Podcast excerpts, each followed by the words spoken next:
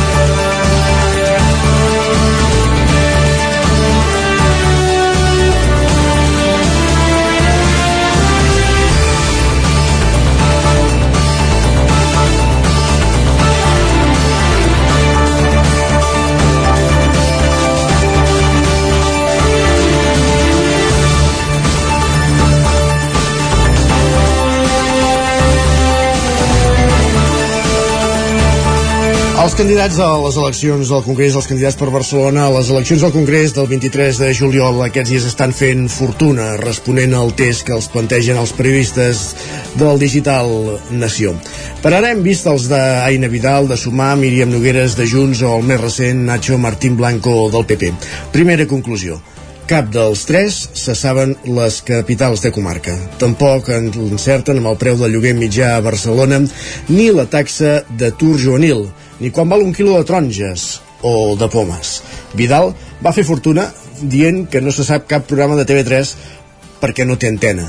Això sí, mira Netflix i HBO, com si en català no es poguessin llegir lletres inicials i, acrònim, i acrònims. Aquest és un petit fragment de, del vídeo d'Aina Vidal, com dèiem, a, a Nació, uns vídeos que, que fan, un test que fan amb tots els candidats a, elecció, a les eleccions del 23 de juliol per Barcelona. Quant costa el quilo de pomes? Un quilo de pomes. Ostres, no t'ho sabria dir. Quina, quina línia de rodalies passa per Cervera? Per Cervera. Doncs és que hi vaig en bus a Cervera. Hi vaig freqüentment, però vaig en bus. Quina és la capital de la Cerdanya? De la Cerdanya. La Cerdanya, la comarca de la Cerdanya. Ostres, m'agafes. Sabria dir el nom d'algun creador de contingut en català? Què és un credo? Què és un creador? Eh, abans hem sentit també que els comuns van en bus a Cervera, no fan servir el tren, i, i tantes d'altres. Tampoc es quedava curt, com dèiem, Míriam Nogueres de Just per Catalunya. En el seu cas no li demanaven per un programa de TV3, sinó d'Antena 3, que tampoc el sabia. La línia de rodalies que passa per les Terres de l'Ebre? Ostres. Pues no sé, aquí la meva. La teva és. És redós. I la capital del Priorat? Mm. Arxiven, arxiven. Falset. Soleta, però no passa res. El quilo de taronges? El quilo de taronges, doncs no, no en gasto. De taronges, no. En canvi, Nacho Martín Blanco no sabem si ja està advertit, però ho supera amb una mica més de nota. O el Polònia. Recordes la taxa d'atur juvenil en aquests moments? També aproximadament. La taxa d'atur... Eh, sé que és el doble de la mitjana europea, eh, sé que és, eh, doncs deu estar al voltant eh, del eh, 20% a Espanya. Quina és la capital de l'Alcamp? No ho sé, Pep. Nens i nenes de Catalunya, quan a l'escola us demanin les comarques, intenteu fer una mica més de fortuna que, que els polítics per no fer, per no passar la vergonya que, que fan passar eh, en aquests tres casos eh, Vidal, Nogueres i Martín Blanco quan es presenten a, a unes eleccions. És el nivell dels candidats. Per ara, eh, com dèiem, el tema de les comarques ens fa l'efecte que no el superarà gaire ningú. Us imagineu el poeta de los Olivos sabent la capital de la Ceba o l'Alta Ribagorça o el Baix Montseny, que de fet no és comarca, però segur que, que colaria. Com dèiem, és el nivell dels candidats. Territori 17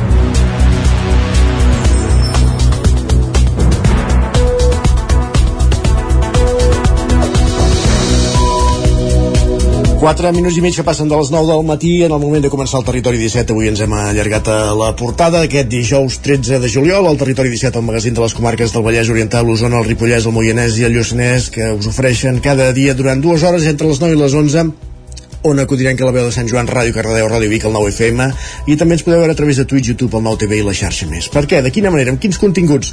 Doncs en aquesta primera mitja abordarem les notícies més destacades de les nostres comarques. També sabrem com evolucionarà la setmana meteorològicament parlant, ara que arribem a la meitat de la setmana, una setmana marcada, evidentment, per, per la calor.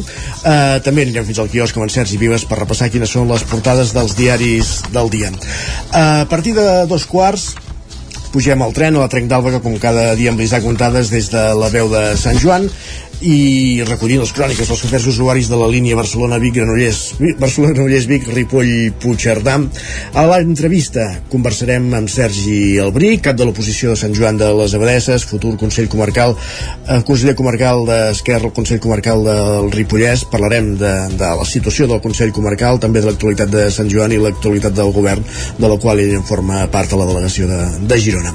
En aquesta primera mitja hora l'acabarem passant per la plaça, l'espai de nova economia que cada setmana setmana ens acosten des de Ràdio Cardeu, la Maria López i 11.cat, notícies a les 10, la previsió del temps, i a la Foc Lent anirem fins als estudis de Malla, el nou restaurant, la nova proposta del xef Joan Font, que durant més de 20 anys ha estat el responsable de l'Estanyol, del golf de, del Muntanyà. Ara, com dèiem, Joan Font ha obert un, ha assumit una, uns nous fogons, en aquest cas el dels estudis de Malla, conversarem amb ell per saber quina és la proposta gastronòmica que, que ens fa. I a la darrera mitja hora acabarem parlant de cinema, com cada dijous, i avui centrant-nos en el Festival Nits de Cinema Oriental que se celebra la setmana que ve a Vic, conversen amb Quim Cruselles, en Joan Garcia i en Gerard Fosses, com cada setmana des de la veu de Sant Joan, repassant l'actualitat cinematogràfica als nostres comarques. Aquest ara sí és el menú del Territori 17, per tant ens posem en dansa per explicar-lo, repassant les notícies més destacades de les nostres comarques, com per exemple explicar que les entitats solidàries fan una crida a les famílies del Vallès Oriental per acollir infants del Sàhara durant l'estiu. Roger Rams, zona codinenca. Sí, un any més amb l'arribada de l'estiu des del Front Polisari en col·laboració amb diferents institucions de l'estat espanyol i entitats com Caldes Solidària es posa en marxa el programa Vacances en Pau. Aquesta iniciativa busca donar refugi a infants saharauis durant els mesos de més calor per tal que no estiguin exposats a les temperatures extremes de casa seva i puguin tenir les necessitats bàsiques cobertes. Tot plegat es fa a través de famílies d'acollida que acullen aquests infants durant l'estiu. Ignasi Altimir és membre de Caldes Solidària i coordinador del programa Vacances Vacances en Pau al Vallès Oriental. Sí, el programa de Vacances en Pau és un programa que el que fa és eh, portar nens eh, entre 8 i 12 anys als campaments de refugiats saharauis, que durant l'estiu, els mesos de juliol i agost, hi ha unes temperatures a 50 graus, així cada dia, i bueno, es fa realment molt difícil, que vinguin aquí, puguin passar un estiu en millors condicions, i doncs a la vegada se'ls pot fer una revisió mèdica en tema de salut, també se'ls pot fer una millor alimentació durant aquests dos mesos, acollits amb, amb famílies de, de Catalunya en general, bueno, i de tot l'estat espanyol, Actualment a la comarca hi ha nou infants que ja es troben en cases d'acollida, però en falten més. De fet, el Timir explica que la pandèmia ha frenat de manera significativa el nombre de famílies d'acollida, que si bé fa uns anys era de 1.000 a tot Catalunya, enguany no arriba ni a una quarta part. Per tal de fer aquestes acollides no es demana cap requisit concret més enllà de tenir ganes i això sí, assumir les responsabilitats que comporta.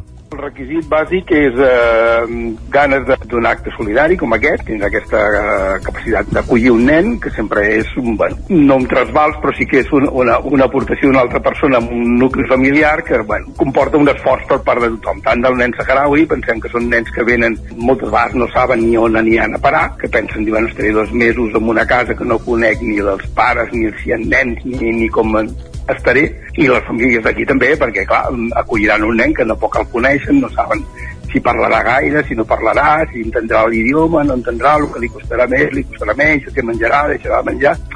En el cas de voler oferir una llar d'acollida, la comarca del Vallès Oriental es pot contactar directament amb Caldes Solidària a través de les seves xarxes socials i en els diferents ajuntaments de tota la comarca. Avui a les 12 del migdia començarà el ple de la Constitució del Govern de la Diputació de Barcelona, un ens supramunicipal que depèn dels resultats de les eleccions municipals. En el cas d'Osona, els dos diputats provincials són Jordi Fàbrega d'Esquerra i Marc Verdaguer, que veuran com la socialista Lluïsa Moret és investida segurament presidenta amb el suport del PSC, els comuns i tot per Terrassa i veurem també si el suport de dos diputats, diuen independents, associats a, a Junts. Sergi Vives. Així és, l'ens provincial es, es, es constitueix aquest dijous i encara hi ha incògnites sobre el pacte de govern. Tot apunta però que serà el PSC qui presidirà la Diputació amb un acord amb els comuns i tot per Terrassa. Amb aquest acord, els dos representants osonencs quedarien fora de l'executiu. Esquerra i Junts, per la seva banda, sumarien prous escons si tinguessin més suports per arribar a la majoria absoluta, però de moment no hi ha cap entesa. Esquerra sí que ha verbalitzat que no donaria recolzament al PSC. Escoltem a Jordi Fàbrica d'Esquerra i Marc Verdaguer de Junts.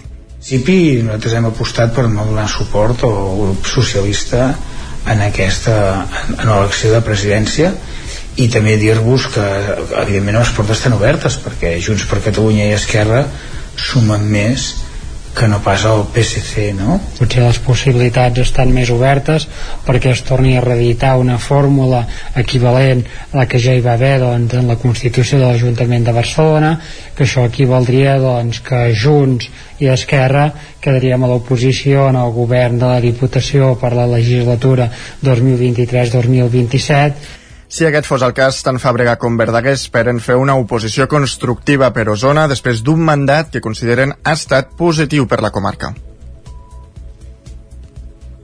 Aquest mandat últim hem pogut presentar diverses mocions que afecten aspectes del medi natural, o del territori des de temes dels carrils bicis que havia portat jo fins a passant per les vigilàncies als entorns naturals fins també tot el tema de la cobertura de telefonia mòbil en el conjunt del territori En la legislatura passada tot el tema de transició ecològica i transició energètica els ajuntaments van tenir molt recolzament de la Diputació i, i hem de continuar fent no? accions d'aquest tipus aquest serà el tercer mandat de l'alcalde de Sant Pere de Torelló, Jordi Fàbrega, a l'ens provincial, al darrer des de l'oposició. Serà el segon mandat on intervé l'exalcalde de Calldetenes i actual regidor del consistori Marc Verdaguer, que va entrar a l'ens el passat mes d'abril en substitució de Josep Arimany.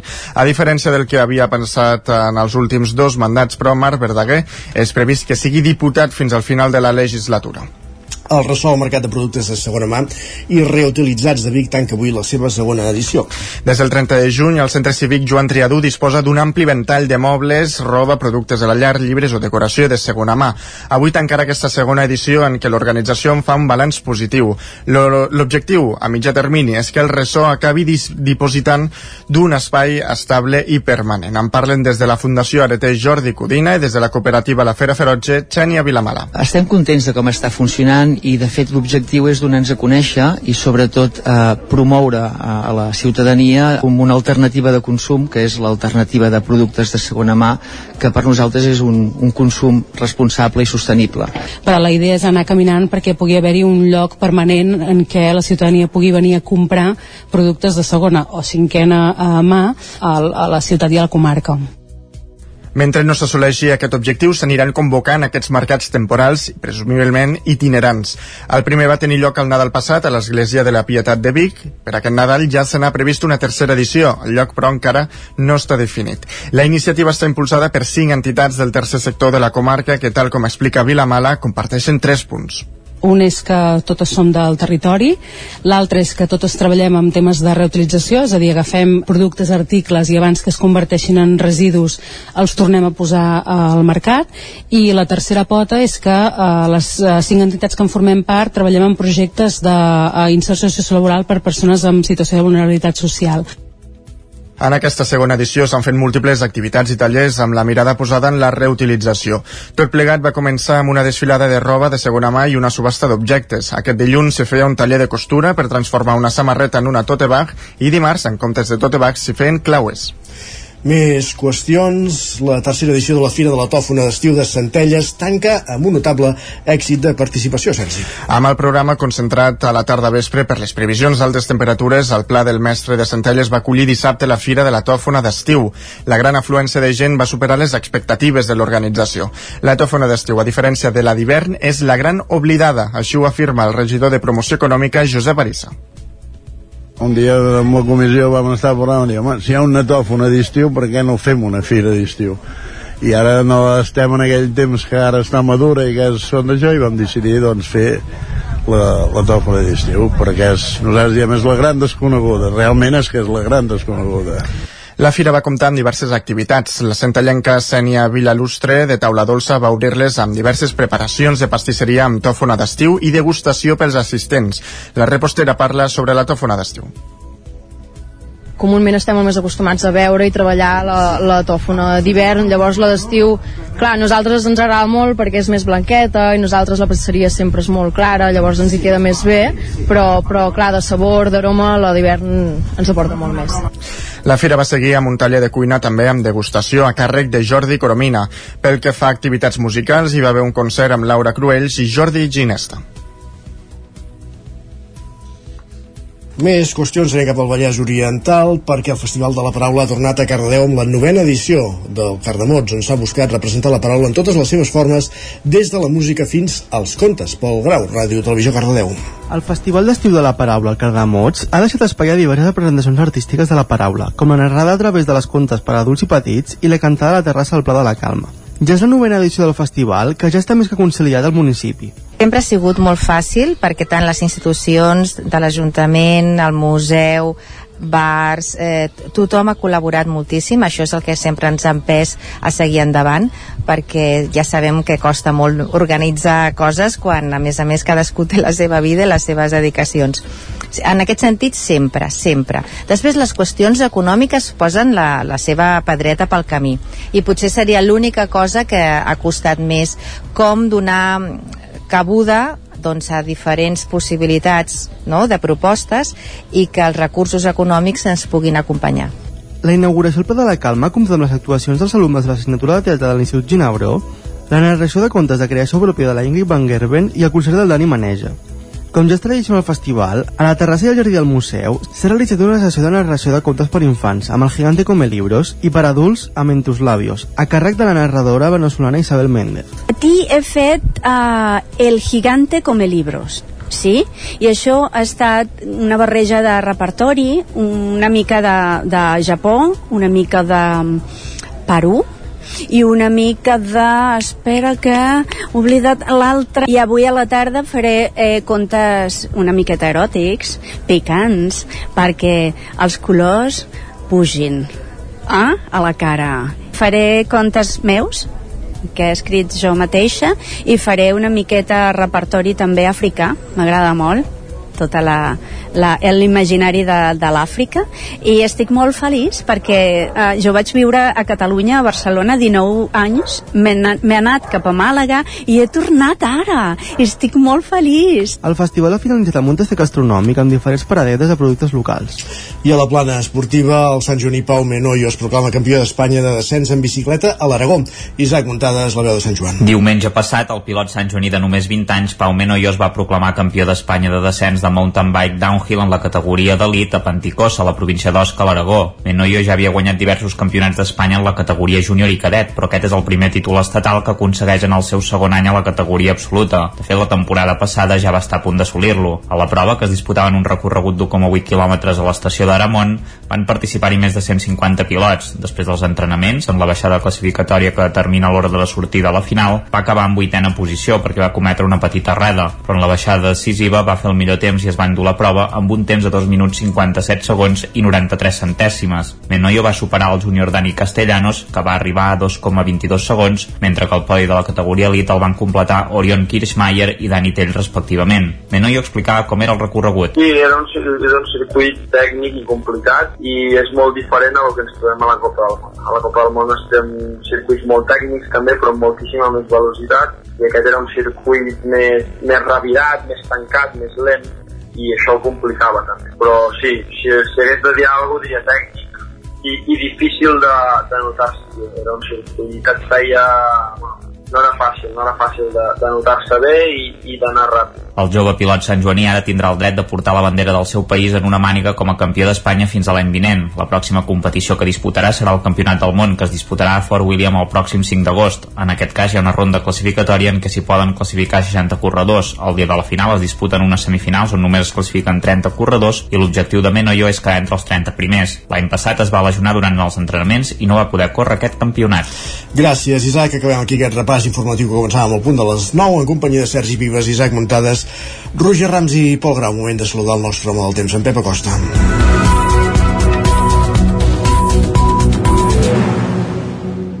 Farà més calor, menys avui?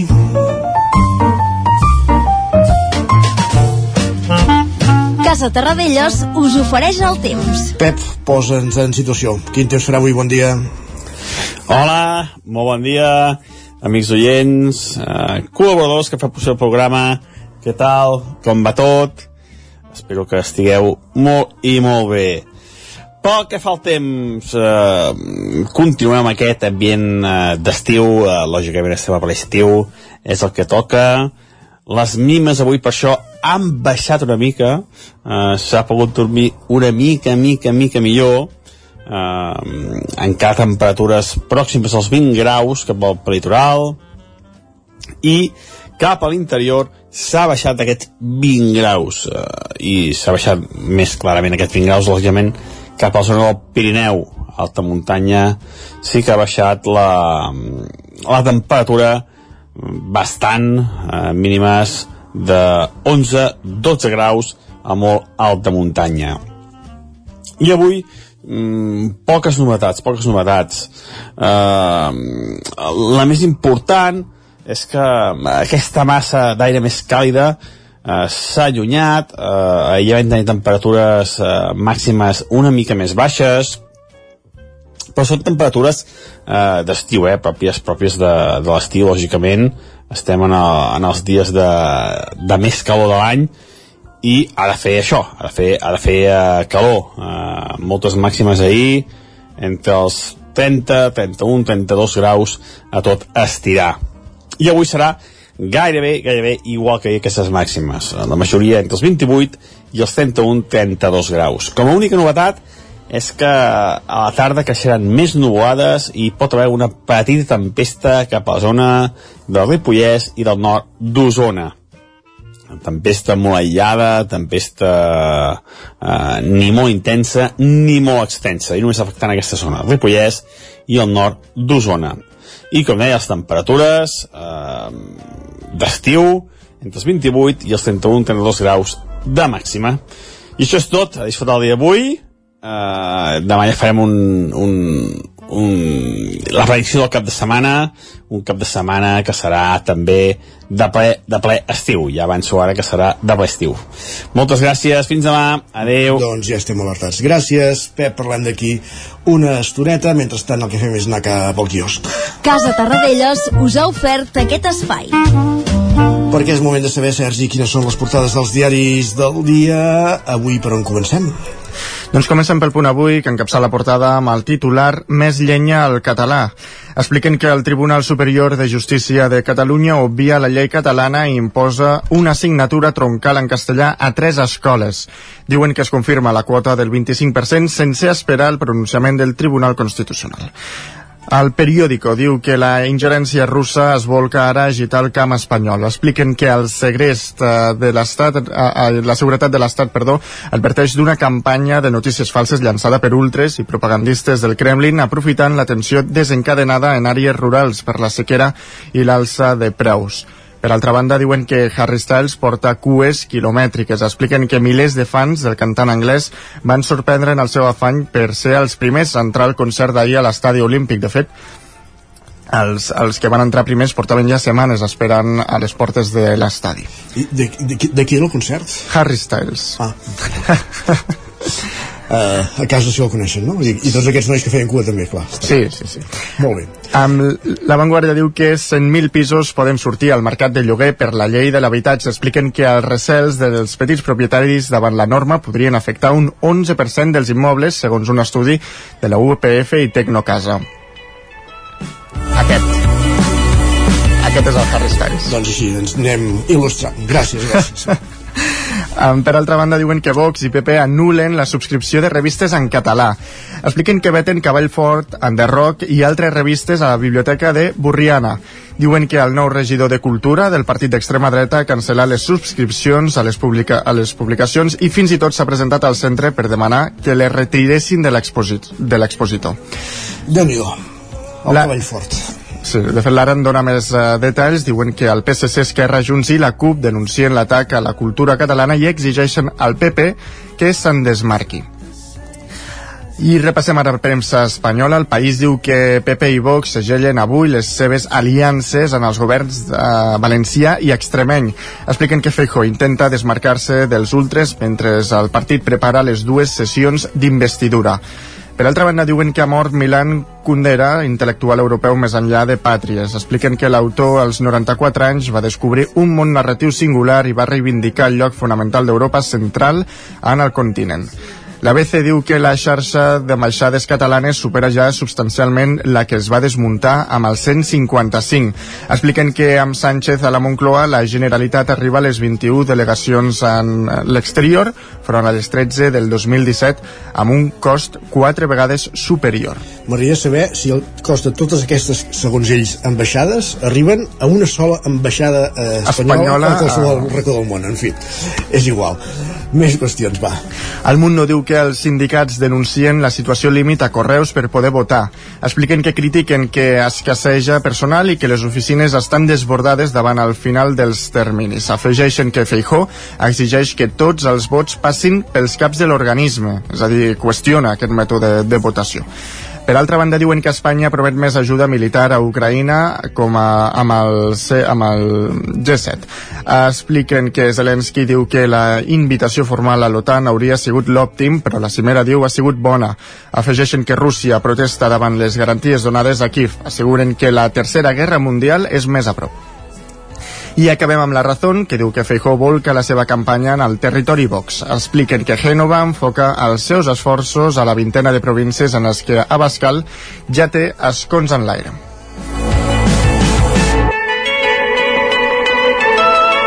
Doncs que bé que sona Harry Styles. Molt bé. Uh, gràcies, Sergi. Repassem ràpidament digitals a l'edició d'Osona i el Ripollès del 99.cat. Doncs mira que Torelló ja ho té tot a punt per una festa major que arrencarà el 20 de juliol. I a l'edició del Vallès Oriental. Doncs que l'Estat licita per 1,3 milions l'estudi informatiu per desdoblar l'R3 entre Montcada i Mollet. Doncs veurem com va funcionant aquest, aquests trams de desdoblament de la línia R3. Gràcies, Sergi. A tu. Nosaltres el que fem tot seguit és una petita pausa, però tornem de seguida pujant al tren, precisament al tren d'Alba amb l'Isaac Montades i després en conversa l'entrevista amb Sergi Albric. Fins ara mateix. El nou FM, la ràdio de casa, al 92.8. El Roures Parc de Ceba. Tres piscines, pista de vòlei platja, camp de futbol 3x3, un parc infantil amb moltes novetats i una zona de pícnic per passar el dia en família o amb els amics. Del 24 de juny fins al 3 de setembre ens pots visitar des de dos quarts d'onze del matí fins a dos quarts de vuit del vespre. Vine de pícnic al Roures Parc de Ceba. Diversió per tota la família. Quan tingui un problema amb la seva caldera, vagi directament a la solució. Truqui sempre al servei tècnic oficial de Saunier Duval i despreocupis, perquè som fabricants i coneixem les nostres calderes peça a peça. I ara aconseguiu fins a 300 euros en canviar la caldera. Informeu-vos al 910 77 10 50 o a saunierduval.es. Ajuntament de Gurb. Vespres musicals a Gurb. El proper 22 de juliol a la parròquia de Sant Andreu, concert de Pol de Besa i Guillem Remisa, el quart cicle de concerts de vespres musicals, organitzat per l'Ajuntament de Gurb. Música en directe. Us esperem amb molts somriures, ganes d'escoltar bona música i una jaqueta per si fa fresca. L'entrada dels concerts és gratuïta. Davant l'escassetat hídrica, fem un consum responsable de l'aigua, perquè cada gota que estalviem serà una gota més per al planeta. No et quedis sec. Tanca l'aixeta. Akbar amb tu.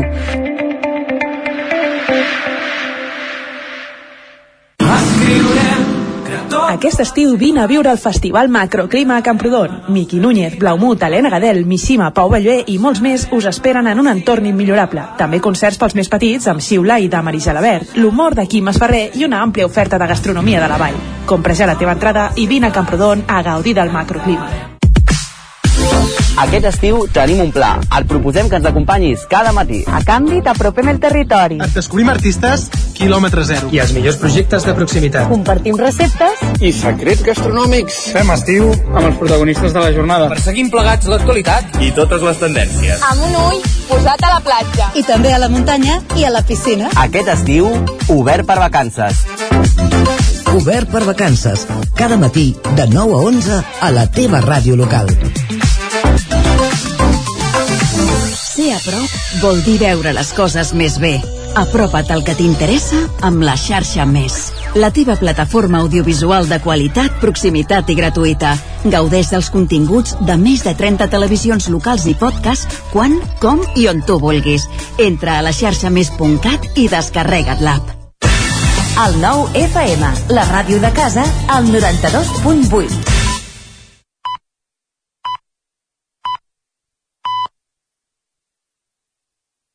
Territori 17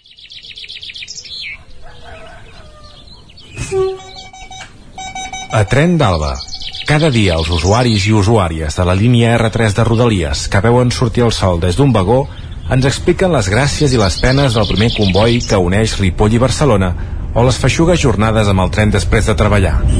Benvinguts a Tren d'Alba. Doncs bé, avui només us vull informar que l'Autoritat del Transport Metropolità de l'àrea de Barcelona ha decidit prorrogar durant mesos la prohibició temporal d'accés al transport públic de patinets elèctrics i altres vehicles de mobilitat personal, com els monocicles elèctrics. Així, la restricció continuarà vigent fins al 31 d'octubre del 2023, quan es preveu que s'hagi elaborat la proposta de regulació definitiva sobre l'accés i seguretat d'aquests vehicles. La normativa que es proposa als operadors per part de l'ATM tindrà en compte aspectes essencials de la salut pública i tot i que farà prevaldre en tot moment el principi de seguretat, manté l'objectiu final d'afavorir l'intermodalitat i, per tant, la inclusió d'aquests vehicles de mobilitat personal al transport públic. La decisió definitiva es determinarà en funció de les conclusions sorgides en el grup de treball que reuneix regularment des del passat desembre. Aquest procés de diàleg s'està duent a terme en col·laboració dels diversos agents que intervenen en matèria de seguretat del sistema de transport, com els operadors, els bombers, la salut, la protecció civil, seguretat industrial i d'altres. L'ATM de Barcelona comunicarà la decisió un cop sigui aprovada en el si del seu Consell d'Administració. Va, ens retrobem després de l'estiu amb més històries del tren i de la R3. Territori 17, el 9 FM, la veu de Sant Joan, Ona Codinenca, Ràdio Cardedeu, Territori 17. Un minut i mig que passen de dos quarts de 10 del matí.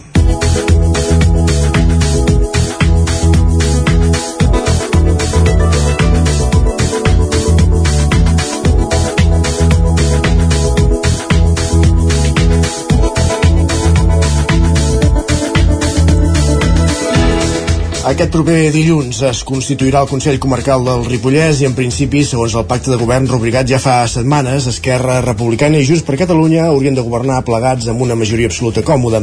Encara no es coneix, però, el nom de qui serà el president i avui intentarem esbrinar-ne alguna cosa més. Isaac Muntades, des de la veu de Sant Joan. Doncs sí, per parlar sobre el Consell Comarcal del Ripollès, però també ho farem de les infraestructures de la comarca, que aquests dies també s'han posat sobre la taula arran de la campanya electoral a les eleccions espanyoles del proper doncs 28 de juliol 23, i d'algunes coses que fet. 23, 23 perdó, sí, ara m'he saltat m'he saltat uns quants, uns quants dies. I d'algunes coses més la campanya, ja sabem que exacte, sí. exacte. I també de, parlarem d'això d'algunes coses que també afecten a, a Sant Joan de les Abadeses. Teníem nosaltres a Sergi Albric que a banda de ser doncs, el cap de l'oposició al consistori Sant Joaní i conseller comarcal actual també és director dels serveis territorials de Girona de, de Territori. Bon dia Sergi, moltes gràcies per ser nosaltres al Territori 17 Bon dia, què tal? Gràcies per convidar-me. Uh, per començar, Sergi, el més proper en el temps és la constitució de, del Consell Comarcal d'aquest dilluns. A hores d'ara encara no es coneix qui el presidirà. Uh, hi ha molts llocs d'arreu de, de Catalunya que en aquest cas ja s'han revelat uh, els noms de, dels, dels presidents i vicepresidents, fins i tot. Per lògica, hauria de ser un dels consellers repetidors d'Esquerra Republicana, que series tu mateix, l'Amadeu Rossell i la Chantal Pérez. També ha sonat uh, això d'una forma més vaga el tema de la presidència compartir amb dues persones del mateix partit. No sé si ens pots avançar alguna cosa, si dir-nos si anem ben encaminats i, i quan se sabrà. Queden ja pocs dies, no sé si ho sabrem aviat.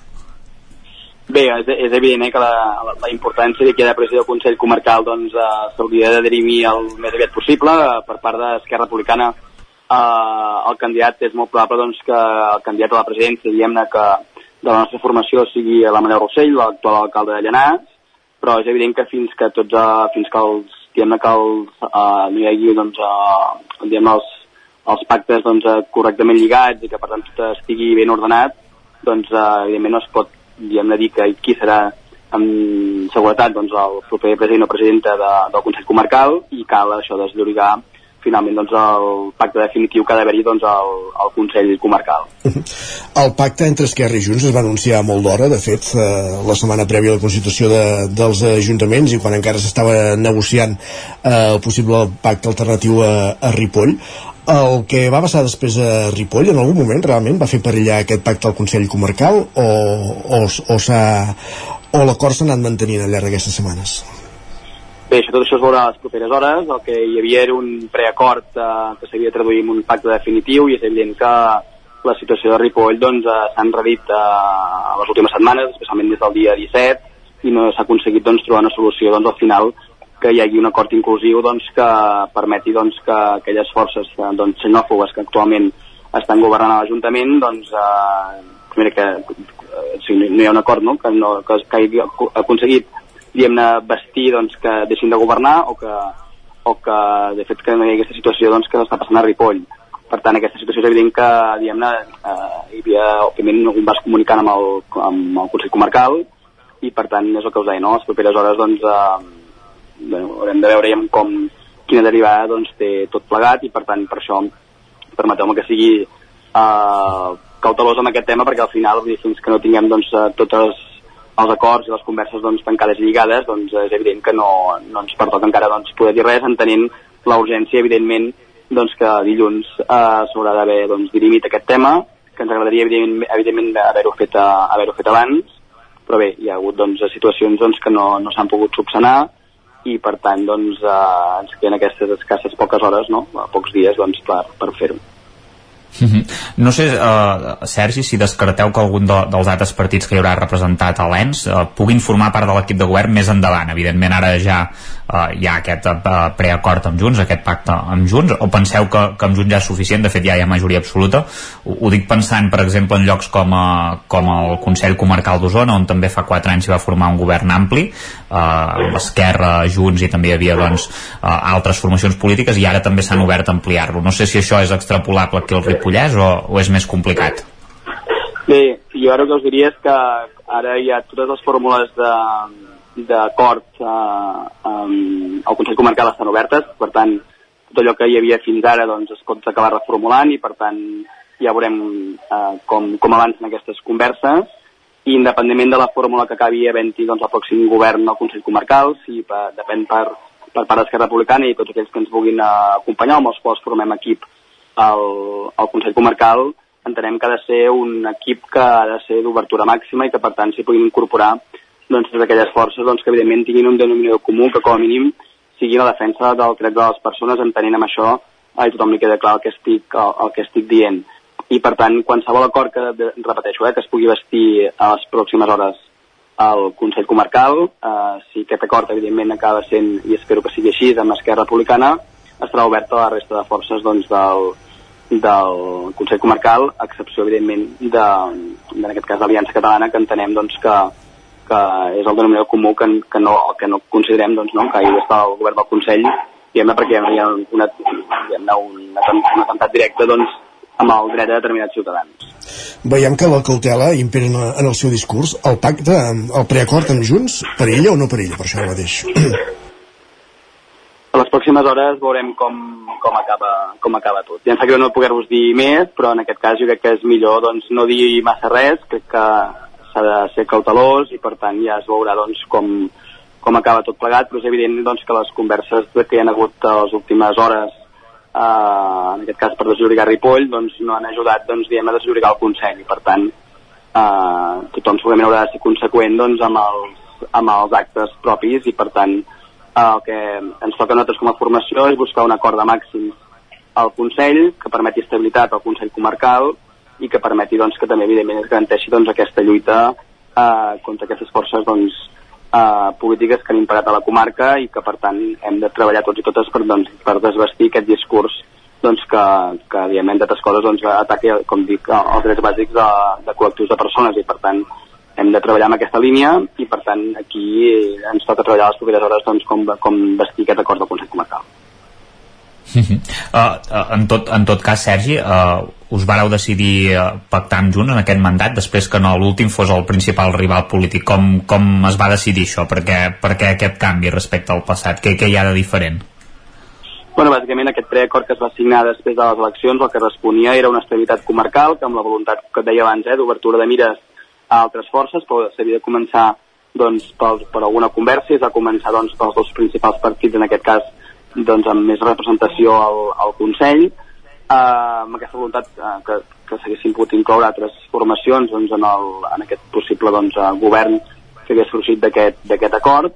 I també el que tenia en altres derivades, entre altres doncs, l'estabilitat doncs, d'un doncs, govern a Ripoll, que evidentment això no, no va ser possible.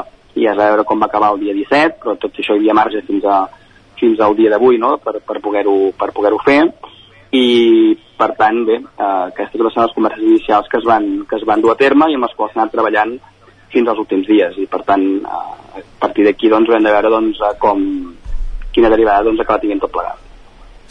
Canviant de tema, Sergi, aquests dies ha, ha començat la campanya electoral de les eleccions espanyoles i, i les infraestructures al Ripollès sembla ser que tornen a posar-se damunt la taula un cop més. Uh, ara Ripoll, per exemple, sí que és veritat que poc, uh, fa poc s'ha millorat doncs, el tema de les entrades al municipi, de la construcció de, de diverses rotondes, per exemple la de la, la Font del Sant darrerament. No, no sé què reclameu des, de, des del Ripollès en, en matèria viària, tu que també ets el director dels serveis territorials de, de territori de Girona, què, què reclama? Bueno, al final ja com a, com a Ripollès i com a director de serveis territorials, no? per tant, com a representant del Departament de Territori, el que és evident és que el, el que es reclama és la, la gestió no? i la cessió de la, de la gestió de les rodalies. I al final eh, tenim clar que si la Generalitat, no? el Departament de Territori, doncs, pogués gestionar la R3, el conjunt de rodalies, doncs segurament veient l'eficiència amb la qual gestionen els ferrocarrils de la Generalitat, doncs probablement, eh, per poc que fos, la R3 milloraria una mica, no? Vull dir que, per tant, eh, ja tan sols milloraria una mica ja sigui un èxit, i que veient els ferrocarrils, que són un gran èxit de funcionament, eh, per tenim molts números que es pogués gestionar correctament. Per tant, la gran petició en aquest cas doncs, de, que, que s'hauria de fer a, a l'Estat i que per això es treballa, no?, és aquesta doncs, sessió de la gestió de la R3 i, evidentment, doncs, de totes les millores que pertoquin, entre altres, doncs, a, a la I-260 doncs, que ens afecta al Ripollès, no? I, per tant, totes aquelles millores de la carretera les hem de poder demanar, però també especialment doncs, tot allò referent a, a les rodalies, el desdoblament de la via, etc, però sobretot la gestió de, de tot aquest tema. Per tant, aquí jo crec que el departament i la consellera ho ha, ho ha manifestat ja en diverses ocasions des que ha pres el càrrec, doncs, no, la pressió del càrrec fa pocs dies, doncs que hem d'avançar cap a aquest tema. I per tant ha de ser doncs, la, el gran cavall de batalla, que que és veritat que és recurrent, eh, que sempre es diu el mateix, perquè al final l'Estat, no, diguem que s'aferra aquesta R3 i no la deixa anar, Uh, però per tant és el que hem de continuar batallant doncs, per acabar-ho aconseguint, si mai es pot aconseguir algun dia, bàsicament perquè entenem que tenir una R3 eficient permetria connectar doncs, el, el Ripollès amb Barcelona, a l'àrea metropolitana, i per tant doncs, uh, això ajudaria evidentment a doncs, evitar el despoblament de la nostra comarca i de tots, i de tots els municipis doncs, que hi ha entre Ripoll i, i Barcelona, i, eh, i uh, això hem de fer un cavall de batalla, però és evident que doncs, uh, no, no és fàcil com la història demostra. Uh. -huh. Ara que parla, citàvem la R3 i que s'estan començant els treballs per fer els primers trams desdoblats entre Vic i Barcelona, la, eh, la voluntat des del Ripollès és que aquest desdoblament acabi arribant a Ripoll, a Ribes? Bé, jo crec que hem de ser ambiciosos. Com més desdoblament podem reclamar o podem potenciar, doncs uh, millor que millor. Vull dir, per tant, com a mínim Ripoll, i si podem tirar, diguem-ne, cotes més amunt, eh, no hem de renunciar-hi perquè evidentment això va lligat a un, un millor servei i una millor connexió en quant a temps, usuaris, etc. Per tant, hem de ser ambiciosos en, en aquest tema. Uh -huh. uh, també et volia comentar, Sergi, aquí a Sant Joan de les Abadeses, per exemple, s'ha parlat del tema de, de l'ampliació del pont nou i de millorar també el pas uh, per la carretera nacional 260, sobretot uh, per al seu pas pel municipi, no? que sigui més, més segur uh, i més amable. Uh, aquest també és un projecte important, uh, no depèn tant de, de vosaltres en aquest sentit, però ho veieu bé, no sé que, com, com el veieu, aquest projecte. Bé, és un, és un projecte d'envergadura, en aquest cas eh, compartim totalment, per exemple, la millora de la curva de Llaubet, vull dir, al final això és una reclamació no?, que, que s'ha fet històricament, vull dir, fet és una curva on l'hivern doncs, es glaça, que per on hi ha hagut accidents històrics i per tant és, de, és una curva de molt mal fer a nivell de trànsit i per tant és important doncs, que, que es pugui subsanar aquesta curva fent-la molt més laxa i que per tant eh, tingui menys perill del que té, amb això sempre hi estarem al costat, vull dir que per tant és una petició i que ens fem nostra i un projecte que també ens fem nostre perquè de fet és un projecte que segurament tots l'hem reclamat en un moment o altre.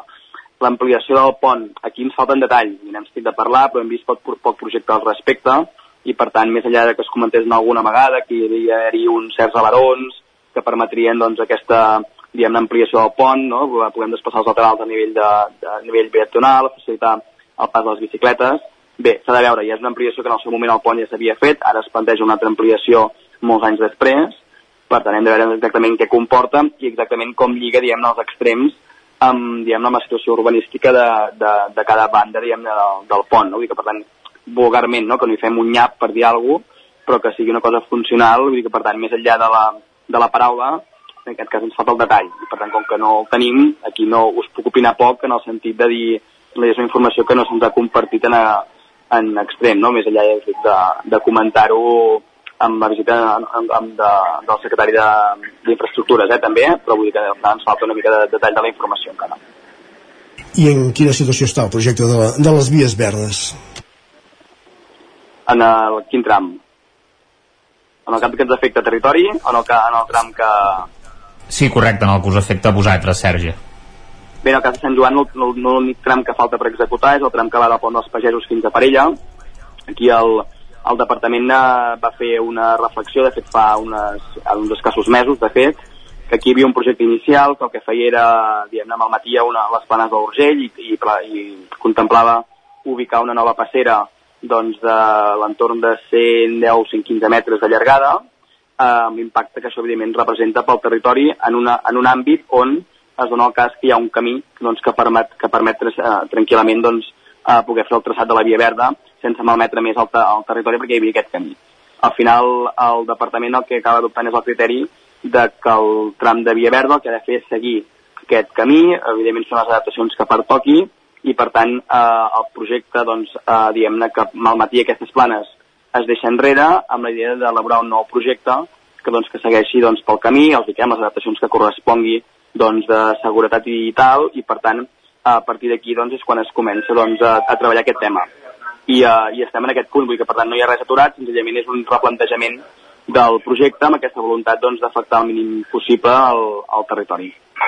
Uh mhm. -huh. Ara fa poc, Sergi, també per anar, per anar acabant, ha sortit l'estudi de mobilitat amb el carril bici l'eix cívic d'aquí de Sant Joan de les Abaderes, del carrer Ramon Durc. No sé què en penseu, en general la gent que ja ha participat ho aprova, però és cert que també des de l'Ajuntament, des de l'equip de govern, volien participació i més implicació segurament de la gent que n'estava més en contra i que potser hagués donat una opinió eh, diferent.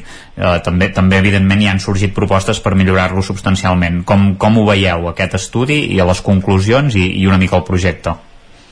Bé, primer és la sorpresa, eh? ja ho vam dir en el seu moment, vull dir, aquest conjunt de reunions que es fan per o de, de jornades de treball, més ben dit, que es fan per analitzar la mobilitat de Sant Joan, és curiós que es fagin just després de ja haver implantat, o un any després d'haver implantat el carril bici, no?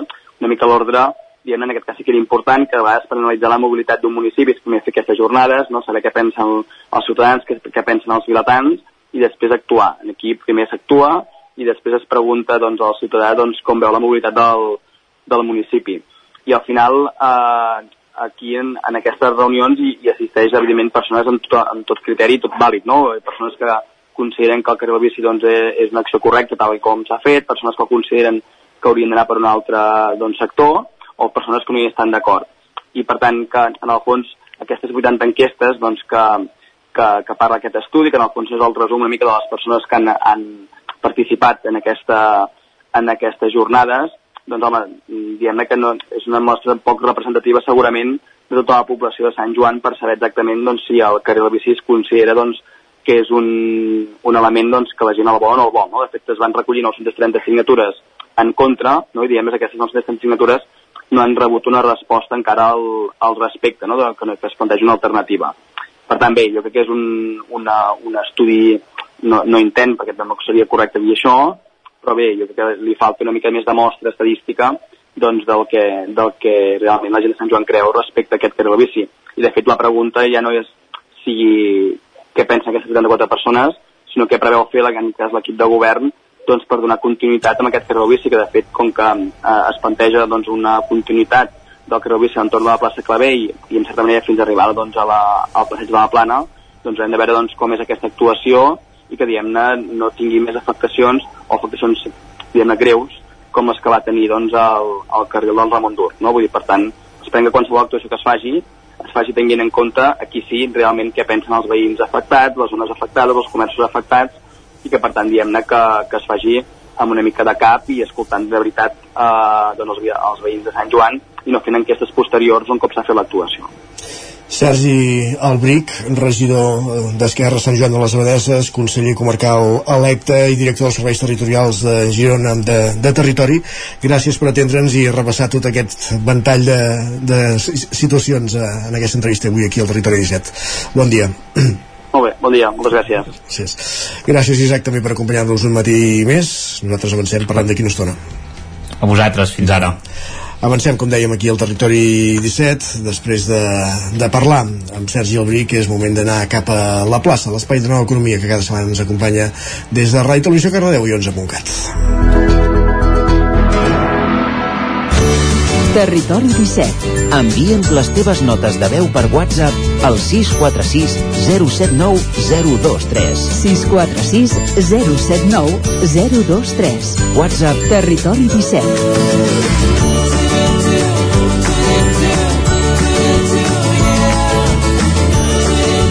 Territori 17. Som a Facebook, Twitter i Instagram amb l'usuari Territori 17.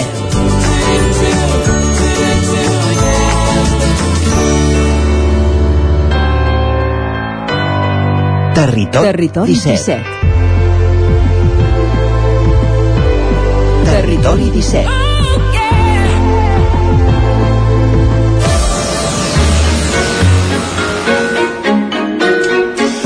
Doncs anem a la plaça, com dèiem, l'espai de nova economia que ens acompanya cada setmana. Saludem abans que res la Maria López des de Ràdio Televisió Cardeu. Maria, benvinguda, bon dia. Bon dia i benvinguts una setmana més aquí a la plaça, aquesta secció de Territori 17 on parlem de nova economia i la traduïm a l'idioma d'aquí, de la plaça, al de la gent, el que ens permet comunicar-nos i entendre'ns a totes i a tots. I avui volem tornar a posar sobre la taula un dels temes que diria algun de rabiosa actualitat perquè parlarem novament d'intel·ligència artificial. Però per fer-ho avui ens acompanya una eminència que diria la Gemma també, que és el doctor Ricardo Baeza Yates. Eh, Bon dia, Ricardo. Bon dia, muchas gracias. Ara de seguida farem les presentacions oficials perquè qui, qui les farà com a bona responsable també d'anar-nos portant a convidats extraordinaris setmana rere setmana és la Gemma Vallet, directora d'11 District, eh, que avui en m'ha indicat molt i específicament que ens dediquem a escoltar amb molta atenció perquè venim a aprendre, oi que sí, Gemma? Correcte, Maria. Avui tenim, com comentaves, una eminència i hem d'aprofitar molt el temps.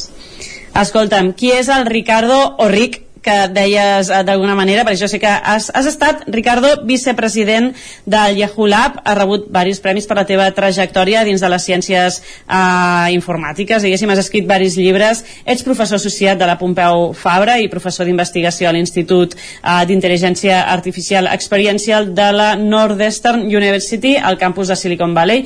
No sé si ho he pronunciat bé, que a vegades el meu anglès justeja una miqueta. Em deixo alguna cosa que ens pots explicar de la teva trajectòria actual? Eh, sí, eh, yo he estado tanto en la academia antes de ir a, Barcelona, fui profesor ICLEA eh, algunos años, después comencé el laboratorio europeo de, de Yahoo en, en Barcelona, estuve 10 años viviendo en Barcelona, mi ciudad favorita, y ahora estoy en el Silicon Valley, donde primero estuve trabajando, siguiendo mi cargo de investigación de vicepresidente en Yahoo, y luego fui el, el CTO de una compañía de software, y ahora soy director de este nuevo instituto de Northeastern University que trata de, de hacer eh, inteligencia artificial responsable y que al mismo tiempo funcione bien. Uh, com deia la Gemma, avui la, seràs qui ens posi la llum amb tot el tema de la, de la intel·ligència artificial, perquè està clar que aquí tenim tema per, per debat i de molta actualitat. Uh, molta actualitat, tot i que feia ja molts anys, i aquesta, aquí tinc cites que em xiva una mica la Gemma, eh, perquè el futurista investigador, escriptor i director d'enginyeria de Google, Ray Kurzweil, ja va predir fa 15 anys que el moment en què les habilitats d'un ordinador superarien les habilitats del cervell humà es produiria cap al 2045. Creu, creus que hem arribat abans de temps? Anem molt encaminats cap allà? Eh, bueno, yo no, yo no creo en la singularidad. Eh, eh, yo creo que la inteligencia artificial es un tipo distinto de inteligencia que es más bien complementaria a la humana. Por ejemplo, hoy en día los ordenadores son más rápidos, tienen más memoria, pero por ejemplo consumen más energía. No, no tienen todavía entendimiento del mundo porque no aprenden como nosotros. Así que yo creo que lo que va a pasar en el futuro tal vez que tengamos algún tipo de lo que se llama humanidad aumentada, más que ordenadores o robots, como la gente quiere pensar en películas de ciencia ficción, que nos exterminen y que nos dominen. En todo caso, eh, siempre somos nosotros los que estamos en control y si no sabemos estar en control el problema es nuestro, no, no es de la inteligencia artificial. Uh. Uh, jo crec que hi ha una mica de, de, de por amb tot aquest concepte de la intel·ligència artificial perquè ara d'alguna manera amb, amb moltes novetats uh, sembla que ens estan ajudant molt i sembla que anem mirant allò de reull aquestes coses quasi de ciència-ficció de pel·lis de, de dominació del món no? uh, la Gemma en parlava abans també abans d'entrar d'alguna manera amb el, amb el programa en si d'oligopoli. Gemma. Sí, aquí, uh, aquí ens agradaria saber la, la vostra opinió de com veus el, diguem el mercat, no? Perquè com que nosaltres venim d'empresa, de, no? sempre ens interessa veure com està el mercat. No? Uh, comença molt fort una companyia i a continuació, com sempre, les, les tecnològiques es posen dins d'aquest mercat. Uh, Meta, per un costat, ha fet un open source per tal d'ajudar o de facilitar l'expansió de l'artificial intelligence per l'altra part, Google també està invertint moltíssim, fa molt poquet que va informar dels seus nous llançaments i, eh, evidentment, Bill Gates, no? Microsoft està allà. Com veus que s'està dividint aquest, aquest uh, pla, plànol de distribució d'empreses que estan facilitant uh, l'accés a, a Artificial Intelligence, no? Mm, bàsicament es veu des de fora que ha començat com un oligopoli i potser acabem amb un duopoli mm, Dóna'ns una miqueta la teva visió, gracias. Sí, es una pregunta difícil porque eh, en realidad la inteligencia artificial tiene, mu tiene muchos, muchos tipos y lamentablemente hoy en día todo el mundo la asocia con, con lo que pasa con, con, la inteligencia artificial generativa, que es, por ejemplo, el chatbot, donde el más conocido es ChatGPT. En ese mundo, parecería que, que OpenAI y Microsoft tienen ventaja, pero este año ya Meta, que es la compañía que tiene Facebook, Instagram y otras redes sociales, eh, puso un modelo no tan bueno, pero bastante grande, eh, digamos, abierto, que todo el mundo puede usar. Y con esto han habido muchos avances de pequeñas compañías que están mostrando que se pueden hacer modelos más pequeños y no se necesita hacer una multinacional para entrenar estos modelos. Y si estos modelos abiertos tienen éxito, eso significa que, eh, que, un, que, muchas empresas van a poder en el futuro, eh, digamos, personalizar estos modelos para distintos temas, lo que se llama en inglés hacer un fine tuning, como una sintonía fina, para entender un dominio específico. Así que yo creo que, yo creo que el futuro, eh, pueden haber dos futuros, uno donde sea un, un, un oligopolio de muy pocas compañías, donde las, las, dos grandes son Microsoft y Google en este momento, eh, o podría ser que esto fuera un, mundo completamente abierto como pasa ya en otros en otros temas. Eh, y, por muchas compañías que hicieron esto. Por ejemplo Yahoo puso muchas cosas en dominio abierto y todo el tema por ejemplo de la nube y todo eso hay muchas ofertas porque las herramientas de cálculo son abiertas. Así que yo creo que es difícil saber en este momento y también va a depender de la regulación que exista para este tipo de herramientas. Ahora en el resto de la de las técnicas que se usan en inteligencia artificial, como no solamente en texto, pero en imágenes, eh, lo que se llama aprendizaje automático, aprendizaje profundo, ahí ya hay cientos de compañías trabajando en ellos y que no veo, no veo oligopolio, al revés, veo un mercado que está en crecimiento, que es muy competitivo y que va a llegar a todo el mundo. Uh, tornant una mica, Ricardo, també el que comentàvem abans, no? de, d'aquesta bueno, visió una mica quasi de ciència-ficció de la intel·ligència artificial. Fins on pot arribar això? I fins a quin punt està clar no, que la intel·ligència artificial ens, ens facilita molt la feina en alguns aspectes? Vull dir, jo des del món del periodisme, del periodisme està clar que a vegades ara ja pots fer virgueries donant dos paraules claus i una foto. No? Um, fins on pot arribar això i on queden les persones en el món de l'economia, en el món laboral? Sí, este, este famoso tema, vamos, vamos a perder el trabajo o vamos a ganar trabajo. Yo creo que, insisto en que la inteligencia artificial debería complementar a las personas. Esa parte de, de, de, la visión correcta del uso de inteligencia artificial todavía no es, no es la dominante, porque actualmente al parecer la dominante es cómo ganamos más dinero y, y, y, si es posible muy rápido y cuando hacemos las cosas muy rápido no pensamos, por ejemplo, en los impactos eh, sociales, en los problemas éticos, pero yo creo que si usamos esto para aumentar la productividad de las personas, Por ejemplo, nadie va a perder su trabajo, pero todos vamos a hacer las cosas más rápido y, y mejor. Pero por supuesto hay que hacer, hay que hacer el uso correcto, eh, en el contexto correcto de estas herramientas. Por ejemplo, significa que podemos rápidamente escribir nuestros idiomas, mejorar nuestro estilo, mejorar nuestra gramática, eh, porque en esto las herramientas son muy buenas. Pero no tenemos que usarlos como, por ejemplo, no tenemos que usar los chatbots como buscadores, porque inventan hechos, no saben decir dónde encontrar una información, lo único que están es, es prediciendo la siguiente palabra más probable, que muchas veces no es la correcta. Así que tenemos que decir, mira, para este tipo de trabajo no se puede usar, para este tipo de trabajo sí se puede usar. O poner regulaciones muy, muy fuertes. Ya han habido ejemplos de abogados que han, han sido tan estúpidos en Estados Unidos, pero usted no revisó los casos. Bueno, sí, le pregunté a ChatGPT si eran ciertos y ChatGPT le dijo sí. Es decir, si, la, si hay gente eh, tan, eh, entre comillas, estúpida, el, el problema no es la inteligencia artificial, el problema somos nosotros. Y tal como lo dije en una entrevista reciente, eh, si, si la IA puede destruirnos es porque nosotros vamos a ser muy estúpidos. Por ejemplo, una cosa es que el chatbot te diga te voy a aniquilar, y otra cosa es que pueda accionar eso. Entonces, para eso va a necesitar ayuda humana. Es decir, los, los seres humanos van a tener que ayudar a la inteligencia artificial o, o al revés. Yo creo que mucho antes va a pasar que seres humanos van a usar más la inteligencia artificial para lograr sus objetivos. Es decir, esto ya está pasando. Las guerras no se detienen. Tenemos, tenemos la guerra que comenzó Putin en Ucrania. Cualquier dictador o, presidente que tenga un control absoluto de su país podría usar más inteligencia artificial para hacer daño. Y ese es un peligro mucho más cercano que cualquier singularidad que, que alguien piense que va a ocurrir en el año 2047. Y yo creo que si ese es el camino, va a pasar algo antes, pero como digo, por nuestra estupidez, no por la inteligencia artificial.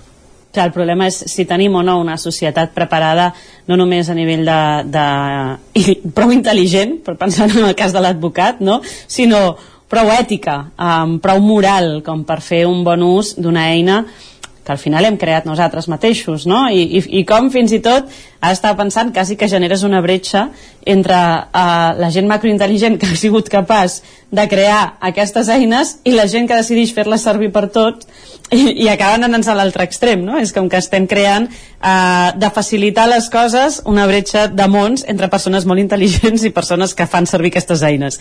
Sí, de hecho, en mis charlas yo uso un, una, un, un chiste que es que digo, no me preocupa el aumento de la inteligencia artificial, me preocupa el, la disminución de la inteligencia natural. Doctor Ricardo Baeza, Gemma Vallet, moltíssimes gràcies a, a tots dos per acompanyar-nos avui amb aquesta xerrada tan interessant que ja preveiem que ens, faltarien, ens faltaria estona perquè això es començava a posar també molt, molt interessant amb aquestes anècdotes, així que Uh, la, la casa de, de Territori 17 està totalment oberta sempre que vulguis tornar, Ricardo, i ens encantaria que puguem compartir uns minuts més amb tu en qualsevol altra ocasió. Així que moltíssimes gràcies a, a tots dos i ja sabeu, la plaça és també la vostra plaça. Gràcies Maria. Ara passen gairebé 3 minuts de les 10 i acabada la plaça és moment de posar-nos al dia d'actualitzar-nos amb les notícies del Territori 17. Territori 17. Una actualitat que passa per una ampliació d'una notícia que us avançàvem la setmana passada. La Generalitat vol impulsar un pla per portar oficines mòbils bancàries als pobles que amb els anys s'han quedat sense sucursal. Un escenari que es dona al 62% dels municipis d'Osona, Sergi Vives. Així ho afirma un document presentat recentment per la Generalitat de Catalunya que després de l'estiu té previst iniciar un pla per portar oficines mòbils bancàries perquè els veïns i veïnes dels pobles sense sucursal puguin accedir-hi un cop cada 15 dies. Un servei que a banda de treure i ingressar diners també inclouria la, pres la prestació de serveis financers. Qui espera sumar-se a la iniciativa és les Masies de Voltregà. Ara fa 8 anys va tancar portes l'oficina bancària del BBVA ubicada al carrer Major de Vinyoles, un dels tres petits nuclis de població que conformen les Masies. Del que va ser només en queda el caixer automàtic. No és l'únic que hi ha al municipi. També hi ha una habilitat a l'oficina de correus que hi ha al Despujol. Oficines com a tal, però, no en tenen cap. Per això esperen ser inclosos en el grup de municipis que podran beneficiar-se de les oficines mòbils bancàries que preveu impulsar la Generalitat. Així ho, ho afirma l'alcaldessa Verònica Ruiz. I ens faltaria una mica el nucli de la gleba, que per això nosaltres vam fer la petició a Diputació doncs, per poder incloure, eh, encara que com a municipi computem que sí que tenim caixers, com a sector de la gleba i gent, doncs una població que tenim allà potser un pèl més envellida, doncs amb problemes de mobilitat doncs, que tinguin també la facilitat de que cada 15 dies puguin, puguin anar al caixer a treure aquests cèntims que trobo que és bàsic per poder desenvolupar-se ells. A les Masies de Voltregà segueix de prop pobles d'Osona com Gurb, Santa Eugènia de Berga, Folgueroles o Sant Vicenç de Torelló, cada, que cada, ca, que cada vegada hi hagi menys oficines bancàries per la Generalitat respon a l'avenç de les noves tecnologies. Actualment a Catalunya n'hi ha 2.194, un 73% menys respecte al 2008. A la consellera d'Economia i Hisenda, Natàlia Mas, destacava que aquest pla és una mesura inclusiva i d'equilibri territorial. No es tracta únicament d'oferir un servei de caixers de disposició d'efectiu, sinó anar més enllà perquè els ciutadans de tot el territori puguin tenir accés a un ampli ventall eh, de serveis financers. La inclusió financera pensem que no és només treure caixers, eh, treure diners dels caixers, també és poder fer consultes, rebre assessorament, en les properes setmanes, a banda de definir quines seran les dues entitats que facilitaran el servei, també es tancarà la llista de pobles on es posarà en marxa. Més qüestions polèmica a Vic entre la CUP i l'alcalde Albert Castells pel mural de la passera del Sucre amb missatges contra la repressió que s'ha tapat amb una lona per, junt, per ordre de la Junta Electoral de Zona Sergi. Segons la cronologia detallada per la CUP, l'Ajuntament de Vic va rebre el 4 de juliol el dictamen de la Junta Electoral de Zona que l'obligava a tapar o a esborrar el mural amb missatges a favor de l'1 d'octubre i contra la repressió que hi ha a la passera del Sucre. La resolució es va produir després d'un requeriment del col·lectiu Impulso Ciudadano. Els cupaires van anunciar a l'equip de govern que hi presentarien recurs que van materialitzar el dia 6. Consideren que l'Ajuntament no hauria hagut d'acatar la resolució de la Junta fins que hi hagués el posicionament que ells mateixos demanaven al recurs de la Junta Electoral Provincial que asseguren que almenys fins aquest dimecres al migdia no havia arribat. El mural va quedar cobert amb una lona aquest passat cap de setmana, després, segons la CUP, que l'alcalde els assegurés que no s'afanyaria a fer-ho, Josep Maria Dieguez que no han plantat cara directament amb una cosa que si ens acostuméssim a desobeir-la tot arreu segurament la situació seria molt diferent. No sé quina necessitat tenien d'anar a tapar aquell mural quan encara no tenien cap sentència ferma per enlloc i la tercera és més ja de tipus gairebé diríem que personal. Perquè des del primer moment ens diguin que estan totalment d'acord i després s'ho saltin alegrement quan encara no en tenen, insisteixo, cap obligació doncs clar, eh, és una manera mm, diguem-ne no gaire agradable de començar la legislatura per la seva banda, Albert Castells explica que el consistori biguetà ha rebut diverses resolucions de la Junta Electoral de Zona, tant en la campanya de les eleccions del 28 de maig com en l'actual, de retirar simbologia independentista. Ordres que no només afecten edificis municipals, sinó també altres espais públics de la ciutat. Castells veu estèril el debat obert per la CUP en relació a l'actuació del consistori amb el mural de la passera del Sucre. La via del recurs ja s'ha aprovat diverses vegades per part de l'Ajuntament i ha estat tombada en poques hores també amb resolucions que et donen peu també sorprèn aquesta urgència eh, d'actuació, per tant en aquest cas es va actuar doncs, com s'ha fet aquestes altres setmanes doncs, eh, tapant el mural. Perdre el temps en disputes internes on retreure'ns uns als altres qui fa més o qui fa menys és un absurd amb què ens tenen distrets a tots els catalans, per tant el que hem de fer és actuar amb contundència en la defensa de la nostra llibertat d'expressió, de les nostres llibertats en general i tenir una estratègia a llarg termini. Castells assegura que a partir del dia 24 de juliol, l'endemà de les eleccions, el mural tornarà a ser visible i també la resta de símbols que s'han tret de les façanes de les dependències municipals. I ara ja sí, després de mesos esperant, ja funcionen bona part dels nous parquímetres que regulen la zona blava, verda, taronja i de càrrega i descàrrega de Vic. Entre les novetats que permeten aquests nous aparells hi ha el pagament amb targeta també a través d'una aplicació mòbil. També han d'entrar en funcionament els parquímetres de zones que fins ara no eren de pagament, però ara passen a ser-ho com és el cas del carrer Anselm Clavé o el Pere II el Gran. L'adjudicació de la nova empresa, EISA, es va aprovar el gener passat, però el desplegament del servei s'ha trobat amb diversos entrebancs. Al març els parquímetres ja van quedar instal·lats a la via pública. EISA confirma que es van detectar problemes en el programari que permetia pagar amb targeta i això va provocar que no s'optés per engegar a mitges i no va ser fins al passat mes de juny que es va resoldre la incidència. Gràcies, Sergi. Anem cap a Sant Feliu de Codines, cap al Vallès Oriental, perquè Sant Feliu tindrà quatre refugis climàtics quan a partir d'ara s'activi l'alerta per calor intensa. Venim d'on venim, anem una mica tard. Roger Ram, zona codinenca. Sí, l'Ajuntament de Sant Feliu de Codines ha anunciat aquesta setmana la creació de quatre refugis climàtics repartits en diferents equipaments del municipi per tal que quan es torni a activar l'alerta per calor intensa, tal i com va passar aquest dimarts, la ciutadania i en especial els col·lectius més vulnerables tinguin on anar a refugiar-se. Aquests quatre espais són la Biblioteca Joan Petit i Aguilar, el Centre Cívic La Fonteta, la sala de la primera planta del Casal de la Gent Gran i la piscina municipal de Solanes. L'alcalde Pol Cabotí explica que aquests espais ofereixen mesures extraordinàries quan s'activi l'alerta per calor, com per exemple en el cas de la piscina, que serà gratuïta pels col·lectius vulnerables. I el que hem identificat és doncs, aquests quatre equipaments municipals, és a dir, per tenir un espai de refugi per fugir de, de, la, de la calor o protegir-se de la calor almenys durant una estona i el que preveiem és que si torna a activar-se en fase d'alerta per calor, en aquests espais doncs, preveuré algunes mesures extraordinàries, algunes mesures que complementin l'horari habitual, ampliant l'horari o bé, doncs, com és el cas de la piscina, doncs, oferir-la gratuïtament per les persones més vulnerables, que hem identificat que siguin les majors de 65 anys, els menors de 12 anys sempre que vagin acompanyats, i les dones embarassades.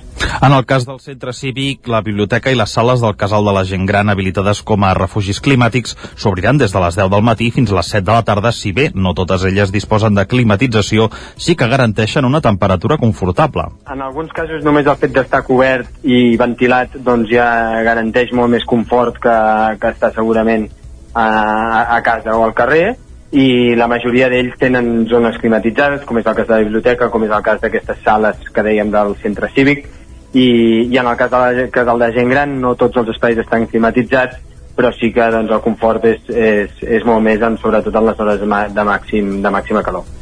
Tot i que actualment no ens trobem en aquesta fase d'alerta per calor intensa, almenys ara mateix, tot plegat s'ha fet pensant en quan es torni a produir un episodi, com dèiem, com el que vam patir a principis de setmana, ja que fins ara al municipi mai no s'havia fet cap pla d'actuació en cas de calor intensa. I el Festival de Música de Ripoll s'allargarà fins al setembre, amb nou concerts, Isaac Muntades des de la veu de Sant Joan.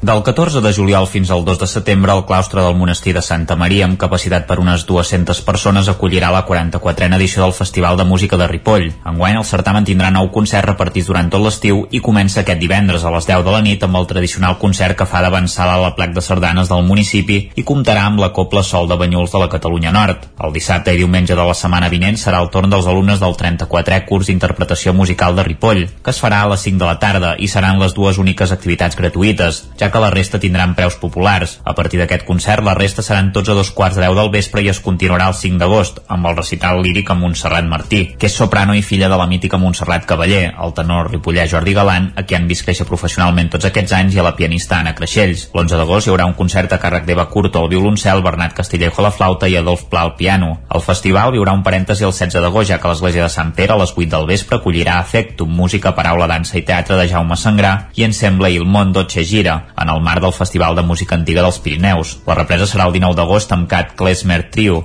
una proposta curiosa que detallava Anna Cassany, la presidenta dels Amics de la Música de Ripoll, que és l'entitat organitzadora del certamen. Un noi d'aquí Ripoll que fa música klezmer. És una música potser aquí poc coneguda, una música que ve de l'Europa central, Turquia, és una música que ells utilitzen a les festes, aquella música gitana que és tan alegre i tan marxosa. Ens va semblar que com que a més un d'ells, que és el que toca el contrabaix, és de Ripoll, va semblar que s'ho valia. El dia 26 serà el torn del jazz a la fresca amb Swing Flamingos i el festival es clourà amb el concert d'Elisa Escudeller al violí i l'exalumne Miquel Esquines al piano. Gràcies, Isaac. I encara en la plana cultural, un últim titular, el cantant Eric Vinaixa homenatge a la figura del poeta Roc Llop a través d'un concert al Tarambana de Cardedeu. Vol grau, Ràdio Televisió Cardedeu. Roc Llop va ser un poeta anarquista exiliat que fins i tot va sobreviure als camps de concentració nazi. L'Eric Vinaixa, que és del mateix poble que el poeta, Miravet, ha volgut recordar i reivindicar la figura del Roc Llop amb un concert de l'Espai Cultural i Gastronòmic Tarambana.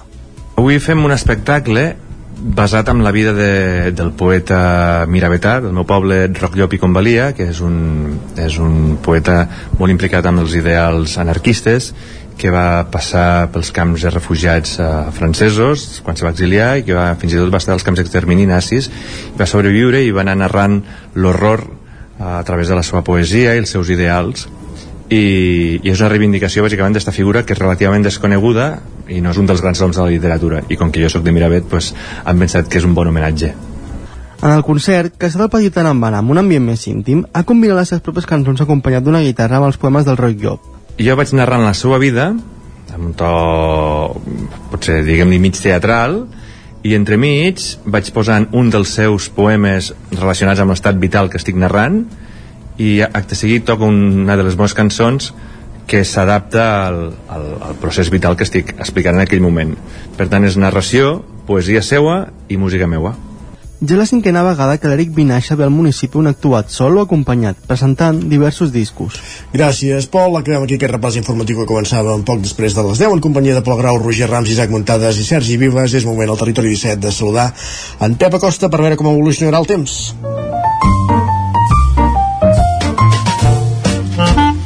Casa Terradellos us ofereix el temps. Més calor avui, Pep? Poques novetats, poques novetats. Uh, la més important és que aquesta massa d'aire més càlida uh, s'ha allunyat, uh, ahir vam tenir temperatures uh, màximes una mica més baixes, però són temperatures uh, d'estiu, eh, pròpies, pròpies de, de l'estiu, lògicament, estem en, el, en els dies de, de més calor de l'any, i ha de fer això, ha de fer, ha de fer uh, calor. Uh, moltes màximes ahir, entre els 30, 31, 32 graus a tot estirar. I avui serà gairebé, gairebé igual que aquestes màximes. La majoria entre els 28 i els 31, 32 graus. Com a única novetat és que a la tarda creixeran més nuvolades i pot haver una petita tempesta cap a la zona del Ripollès i del nord d'Osona tempesta molt aïllada, tempesta eh, ni molt intensa ni molt extensa, i només afectant aquesta zona, Ripollès i el nord d'Osona. I com deia, les temperatures eh, d'estiu entre els 28 i els 31-32 graus de màxima. I això és tot, a disfrutar el dia d'avui. Eh, demà ja farem un, un, un, la predicció del cap de setmana, un cap de setmana que serà també de ple, de ple estiu. Ja avanço ara que serà de ple estiu. Moltes gràcies, fins demà, adeu.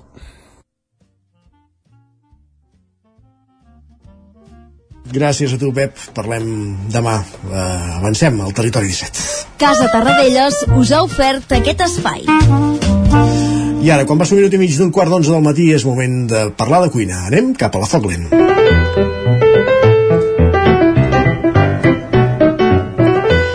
I avui a la Foc Lent volem parlar amb un cuiner que torna a l'activitat, diguem-ho així, que es posa al capdavant de, dels estudis de, de Malla amb una nova proposta gastronòmica, una, una proposta que de fet en certa manera és la continuïtat de la, que durant tres dècades ha exercit el restaurant de l'Estanyol, el golf de, del Montanyà. Estem parlant de Joan Font. Joan Font, benvingut, bon dia. Bon dia.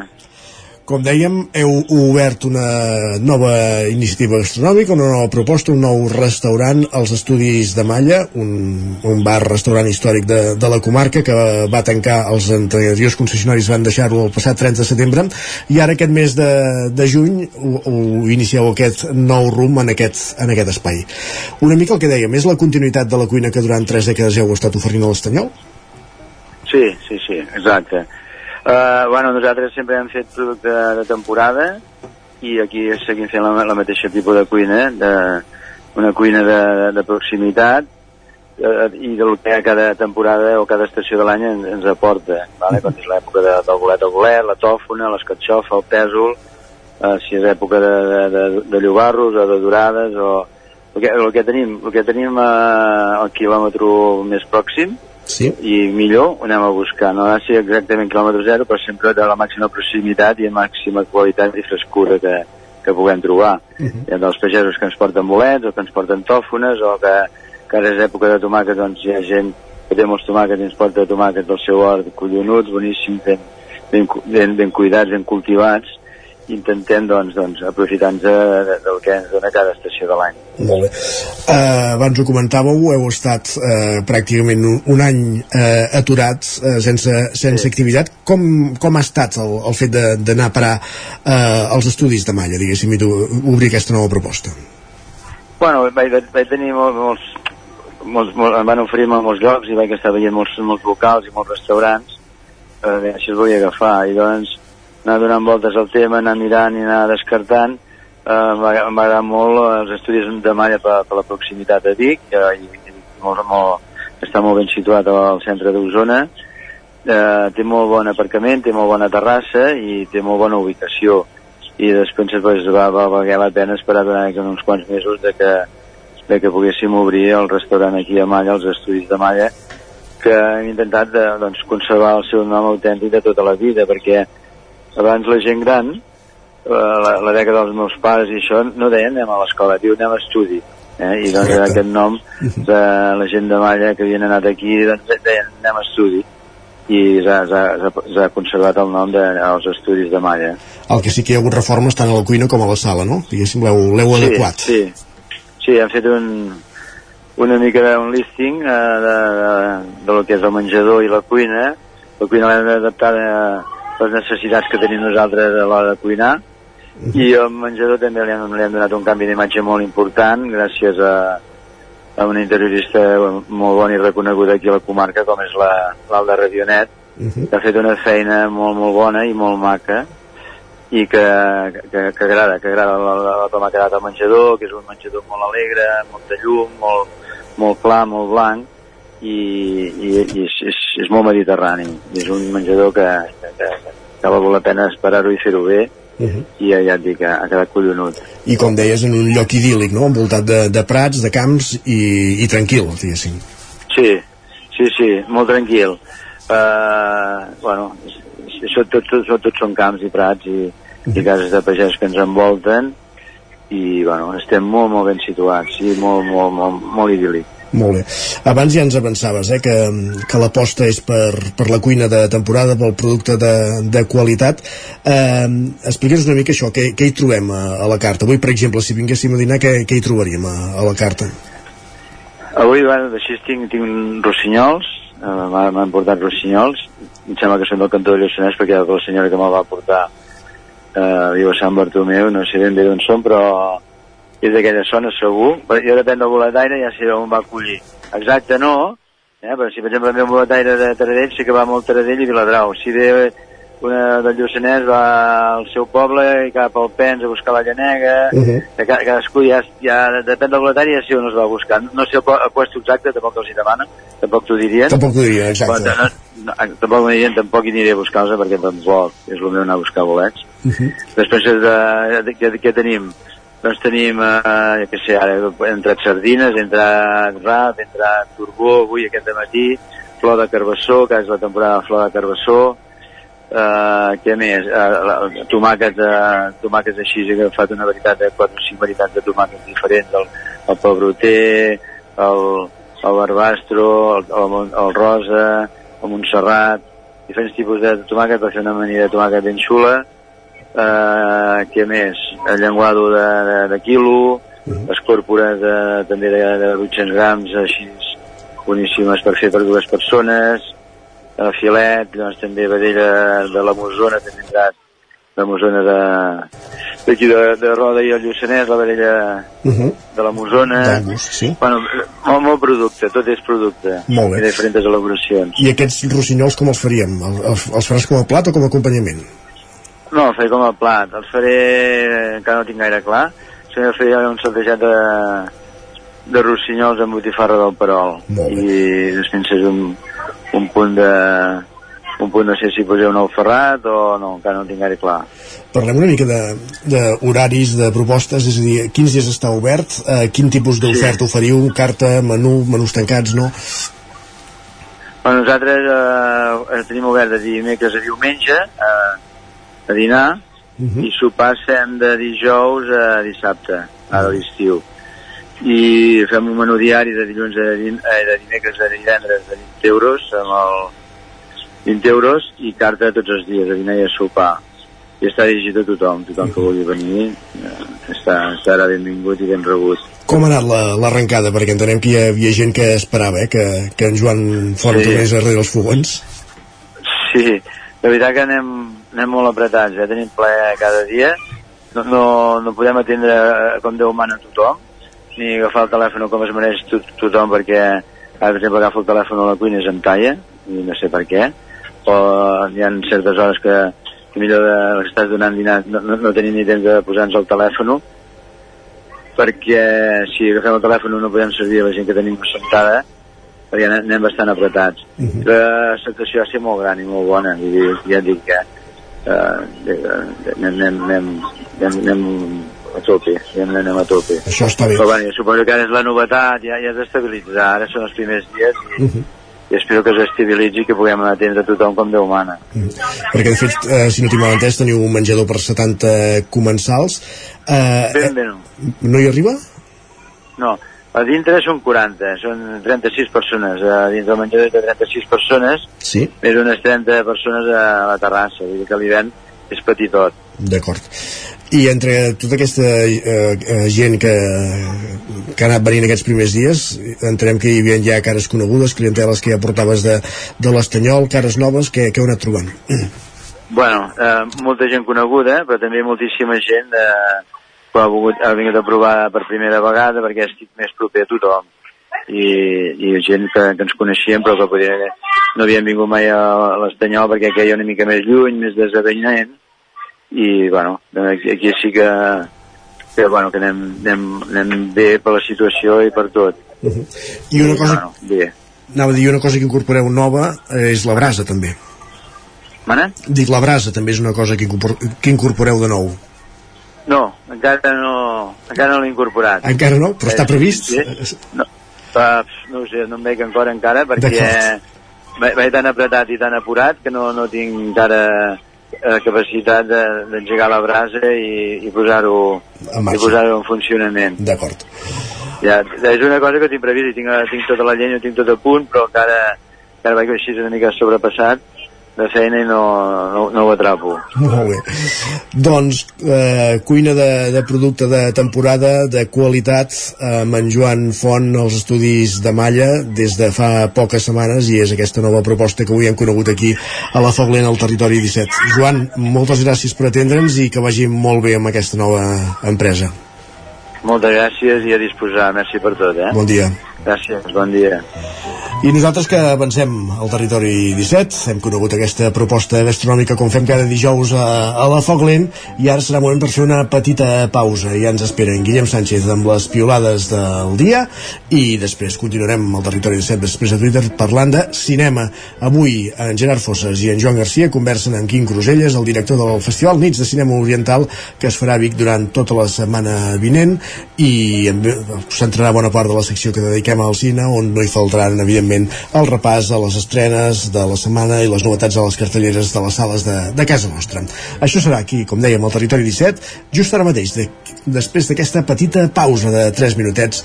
De seguida tornem amb la recta final del programa. El nou FM, la ràdio de casa, al 92.8. Si tens pensat canviar la caldera o posar aire condicionat, posa't en mans de Pradell. Tenen les millors ofertes.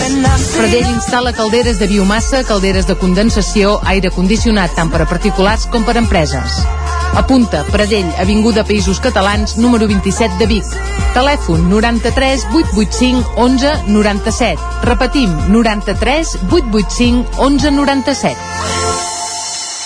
A Bailen sabem que quan té una avaria a la seva caldera vol una solució ràpida. Truqui al servei tècnic oficial Bailen i els nostres tècnics vindran ràpidament a solucionar-li el problema. A més, si canvieu ara la caldera, us regalem fins a 300 euros. Truqueu al 910 77 88 77 o entreu a bailen.es. Escriurem aquest estiu vine a viure el Festival Macroclima a Camprodon. Miqui Núñez, Blaumut, Helena Gadel, Missima, Pau Ballé i molts més us esperen en un entorn immillorable. També concerts pels més petits amb Xiula i de Marisa Labert, l'humor de Quim Esferrer i una àmplia oferta de gastronomia de la vall. Compra ja la teva entrada i vine a Camprodon a gaudir del macroclima. Davant l'escassetat hídrica, fem un consum responsable de l'aigua, perquè cada gota que estalviem serà una gota més per al planeta. No et quedis sec. Tanca l'aixeta. Akbar amb tu.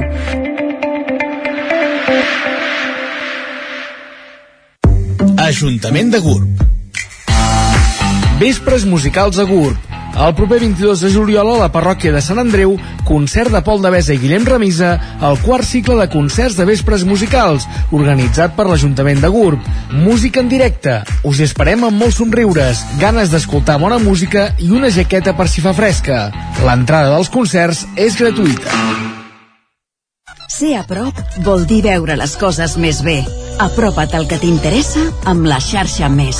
La teva plataforma audiovisual de qualitat, proximitat i gratuïta.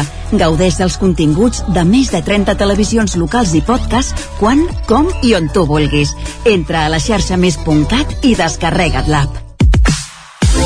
Aquest estiu tenim un pla. Et proposem que ens acompanyis cada matí. A canvi, t'apropem el territori. Et descobrim artistes quilòmetre zero. I els millors projectes de proximitat. Compartim receptes. I secrets gastronòmics. Fem estiu amb els protagonistes de la jornada. Perseguim plegats l'actualitat i totes les tendències. Amb un ull posat a la platja. I també a la muntanya i a la piscina. Aquest estiu, obert per vacances. Obert per vacances. Cada matí, de 9 a 11, a la teva ràdio local. Anuncia't al 9FM. La màquina de casa. 9 3 8 8 9 4 9 4 9. Publicitat arroba al 9FM.cat. Anuncia't al 9FM. La publicitat més eficaç. En punt ara mateix, dos quarts d'onze al territori 17.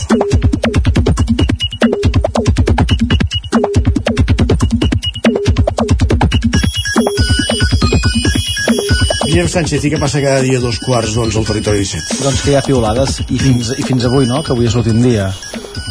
De la temporada, sí. De la temporada, de la temporada. Exacte, sí, sí. Doncs vinga, repassem piolades, de, va. de fet, és demà, eh, que s'acaba el programa, però de, de la secció sí que és avui, sí. Doncs va, ho farem repassant alguns tuits que tenen a veure amb com aniran les vacances i com els passarem. Llegim, per exemple, aquest usuari que ens comenta el següent. Diu, els càmpings tenen moltes coses dolentes, alguna de bona, però el pitjor és la gent que va als càmpings a fer amics. Són aquells que també han fet amics a les classes de spinning, no a les activitats col·lectives amb desconeguts.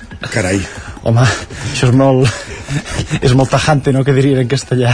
Ja, jo he tingut alguna mala experiència. Segurament, segurament. En Pere per això li respon ràpidament i diu aquesta és la màxima dels càmpings, intimitat zero. El qui va a un càmping ha d'estar disposat que en qualsevol moment pot tenir a la parcel·la tot tipus d'individus disposats a donar pel mm, amb discreció. Carai, tu. Males experiències de càmpings. No, no, no, no hi conviden gaire, eh? No, no. que, que se'n vagin a una altra banda. Allà per això Isaac també hi deu fer molta calor aquests dies, com la que té aquest usuari a casa seva que ens diu ha arribat el moment de no encendre el llum de l'habitació perquè fa calor. També és cert. És cert, és cert. I jo també em sumo al que deixa escrit la Marta per Twitter, que ens diu ha sortit un senyor al 324 dient que a mi la calor em posa de mala llet. Jo a l'equip d'aquest senyor. no sé si n'hi ha per tant o no, però... Posem-lo posem en una parcel·la d'un càmping que 40 graus, el senyor, ja va. I, encara serà pitjor. I la Montserrat encara rep la clau a aquesta primera resposta, diu, atenció, que després ha afegit i em costa molt fer les coses. Diu, em sento identificada. Carai. Això sí que ho té, eh, la calor que et deixa una mica estabornit, xafat, i sense ganes de fer, de fer massa res. Que de Sí, fet sí. això De fet, ara parlàvem amb un cuiner i li dèiem, ja, diu que també fas carn a la brasa, i diu, sí, home, ara no. no ho ha dit així, eh? Dir. Doncs això no potser- a punt, però clar, això- ara no és el millor moment per posar-se també és Això, cert. això potser, Isaac, és el que li ha passat a aquest usuari, eh, que ens escriu el següent i diu uns veïns estan discutint molt fort i necessito que callin ja, perquè ara no em ve de gust sortir del llit i anar al balcó per escoltar-los millor. és que ja ni estan estirat al sofà et venen ganes de fer absolutament res, eh? Ara que tot va amb diferit, també, si es vol, eh, pots, deixar, pots deixar perquè segur que el, que, que el tens a l'abast poses el mòbil en mode gravadora i el llences allà al balcó que es gravi i després ja escoltaràs, ja escoltaràs la discussió Solucions, solucions. Va, i mireu que fàcil és posar de bon humor a la gent amb només unes paraules, Isaac. Ja. Si estàs llegint aquest tuit i et fons, és perquè ets un bombó. Oh. No perquè faci calor, eh? No perquè faci calor. Va, en canvi, en Roger està una mica de més mal humor i diu gent que treballa amb aire condicionat i també en tenen a casa queixant-se de la calor. També s'ha de dir que la gent ens acostumem molt ràpid, eh? Els que també és cert. podem tenir aire condicionat o ventilador, llavors te'n vas a llocs que no n'hi ha i, i ho passes francament malament. Expliqui el planeta que està a l'obra. Francament malament. Va, i mireu què diu en Jaume en aquesta època de l'any. Diu, tradicionalment Twitter a l'estiu era un lloc per parlar de temes d'interès nacional com per exemple el llatí, no per queixar-se de la calor. Per això ja teniu altres espais com l'ascensor. Aviam, eh, Twitter té 10 anys o 12? Si no gaires més, em sembla. Eh? Mm, Vols dir que has dit mai això que diu aquest senyor? Tradicionalment, diu. Sí que s'ha de dir que espais per parlar de la calor com l'ascensor, sí, eh? perquè aquella, Això sí. aquella pregunta de què el temps re refresca avui, Sí, sí, però això segur que sí. Era abans que Twitter, sí. Va, i juguem una mica, no, Isaac, avui? Juguem. Va, a veure què respondries a aquest missatge. Qui ha llançat la targeta de crèdit nova i ha fet servir la caducada fins, al, fins que el caixer se l'han passat? En Josep Lluís Garcia, regidor d'Esquerra Vic. Perfecte. Segona, va, aquí una altra pregunta. Diu, una endevinalla. Entra una senyora molt i molt encostipada al bar buit, només jo, a quina taula s'asseu? Uh, a la seva. Segurament. correcte, correcte. Això em passava a- alguna hora que he mirat al cine, així en, en horaris Sí. extemporanis, Sí, que sí. hi vas pràcticament sol, dius, la sala està buida, t'asseus, i, i entra algú i se t'asseu al costat, i dius, "Oh, perdó, però tens tota la sala... O just al davant. O al davant, és igual. perdó. En fi. Va, i en un bar segurament l'Ernest no hi podria treballar després d'això que ens ha compartit per xarxes, ens diu el següent, diu, acabo de fer la pitjor fideuà de la història, té gust a espaguetis a la bolognesa. no sé. Ja, que intenti vendre-la com a espagueti a la bolognesa. Potser... No sé com hi ha arribat, eh? No, no sé com hi ha arribat. Que no digui que és una fideuada, que digui que són espaguetis a la bolognesa, ja està. Va, i com que avui és la darrera secció de la temporada, Isaac, he pensat que seria xulo poder acabar amb un tuit vinculat precisament amb els comiats. Aviam. Ens el fa l'Ignasi. som -hi. Diu, com a fórmula de comiat formal als correus, sóc més d'escriure cordialment que no pas d'escriure salutacions cordials. No sé si tens alguna fórmula tu per acomiadar-te de la gent. Em costa. Un adeu, no? Sí, eh, no, les salutacions cordials sí que el deixo anar a vegades. Sí? Sí, sí, sí. Doncs Muy buenas mira. noches, saludos cordiales. Seria aquest, no? Doncs va, Isaac. Va, Eh, bon estiu, Sánchez. Que vagi molt bé. Aviam si ens retrobem demà, demà, demà no vens a fer esports. Demà no, però al setembre esperem que sí. Molt bé, doncs Va, bon estiu. Igualment, adéu. Adéu. Territori 17, el 9 FM, la veu de Sant Joan, Ona Codinenca, Ràdio Cardedeu, Territori 17. Doncs cap a una d'aquestes emissores que anem ara, anem cap a la veu de Sant Joan perquè és el moment del cinema al territori 17. Uh, avui amb en Joan Garcia i en Gerard Fosses, com cada setmana, que a banda de repassar l'actualitat, de repassar les estrenes a les sales de casa nostra, les novetats de les cartelleres, també parlen amb en Quim Cruselles, director del Festival Internacional Nits de Cinema Oriental de Vic, que es fa la setmana vinent.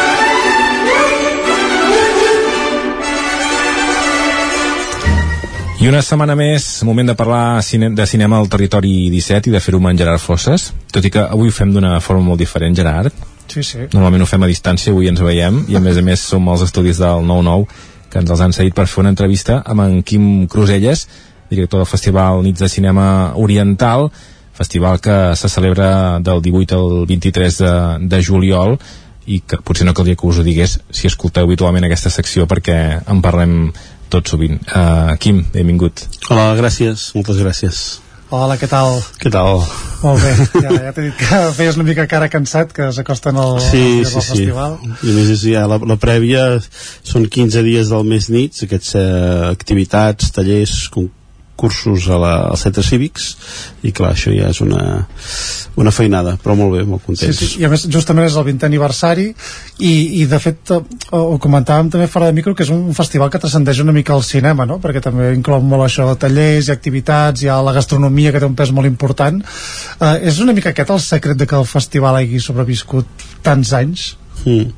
Doncs jo crec que sí, sempre ho comento, però el 2004, quan vam fer Shaolin Soccer a la Bassa dels Hermanos, l'epicentre del festival, en un parc a l'aire lliure sense fer publicitat, perquè no, era un acte gairebé eh, allò eh, íntim.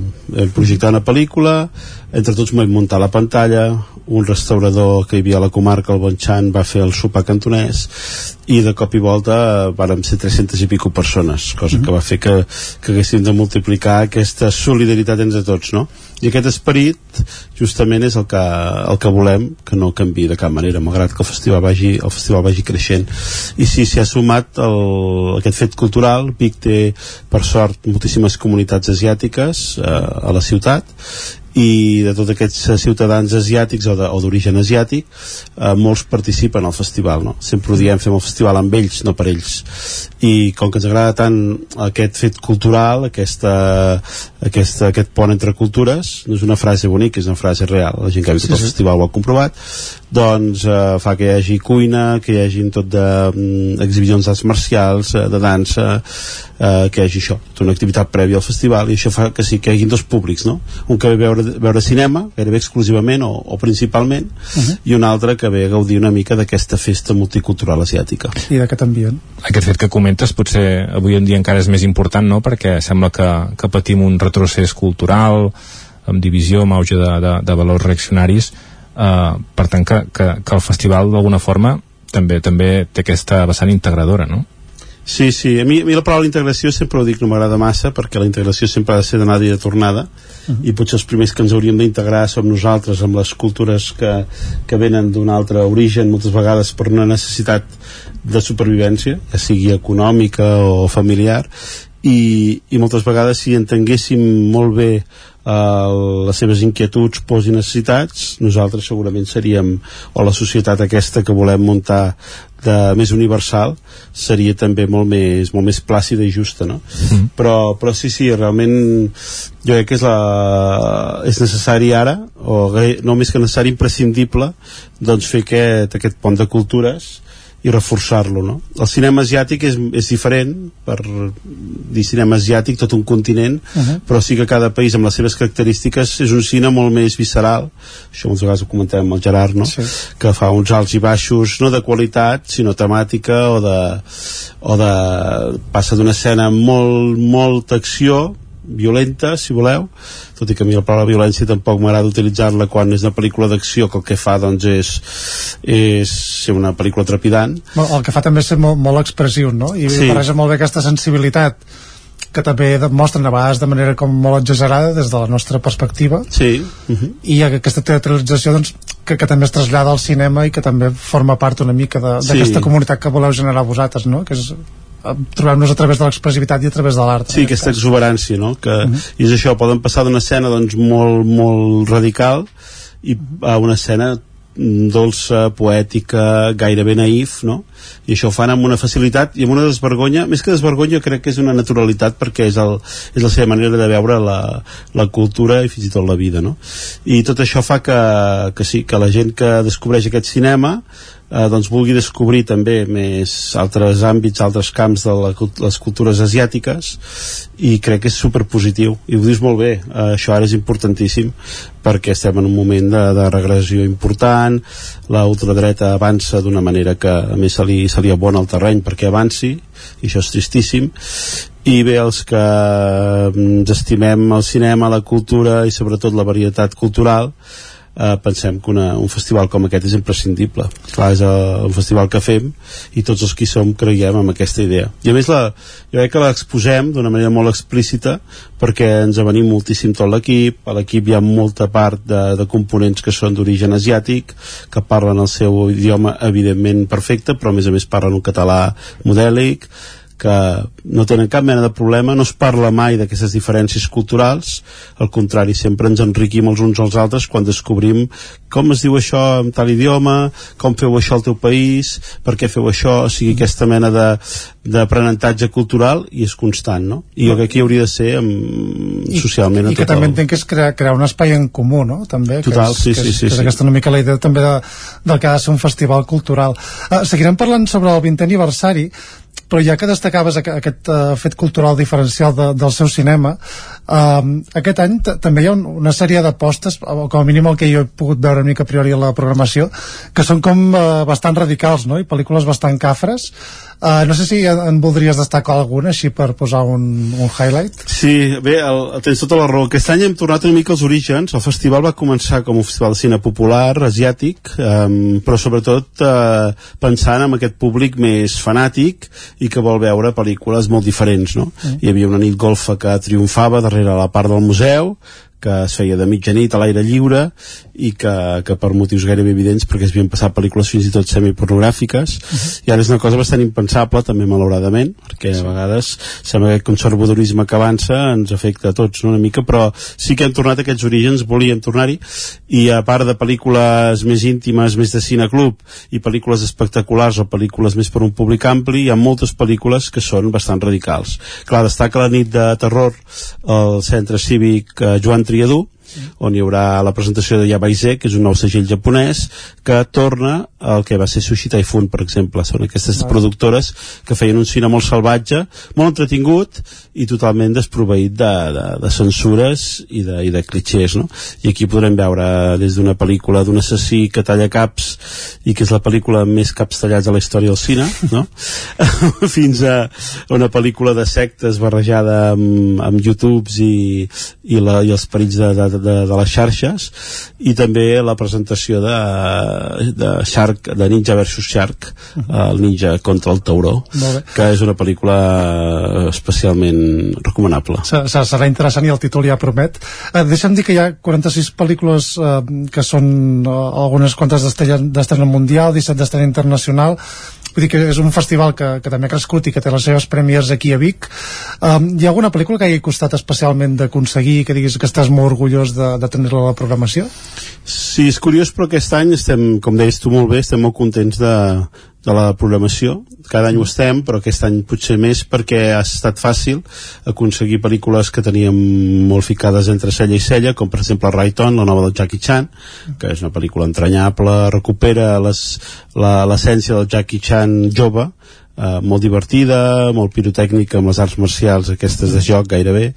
I aquesta pel·lícula doncs eh, evidentment els vam demanar per ella. Era inabastable pel festival però a l'entrar una productora distribuïdora espanyola com Cinemanan li van recomanar la pel·lícula van dir que semblava que una bona pel·lícula pel mercat occidental i se la van mirar, van adquirir els drets i gràcies a això la tenim. Per tant, sempre juguem o busquem aquesta manera de, de, de, de buscar la complicitat de distribuïdors espanyols que si adquireixen la pel·lícula és molt més fàcil portar-la, no? Això ens ha passat amb vuit pel·lícules aquest any. Per exemple, Baby Assassins és una pel·lícula que anava molt darrere i aquest any tenim que ha aparegut la segona part i que és una mena de comèdia adolescent salvatge japonesa on es fa una crítica també molt, molt salvatge a la dificultat que tenen els joves per trobar feina i per, per, per poder sobreviure en un món on tot és caríssim i on els joves gairebé sempre se'ls aparta no? Uh -huh. i també gràcies a Alpha Pictures que l'ha comprat doncs podem tenir aquesta pel·lícula o Nexo G que va tancar la setmana de la crítica a Cannes i que és una, també una pel·lícula que fa un retrat eh, molt dur d'un assetjament laboral a Corea i que és una pel·lícula que, que podrem veure també al festival. Molt interessant. Aquest, aquesta part que, que feu al festival, també de, com, com de mercat, també és molt important i potser no es veu tant, no?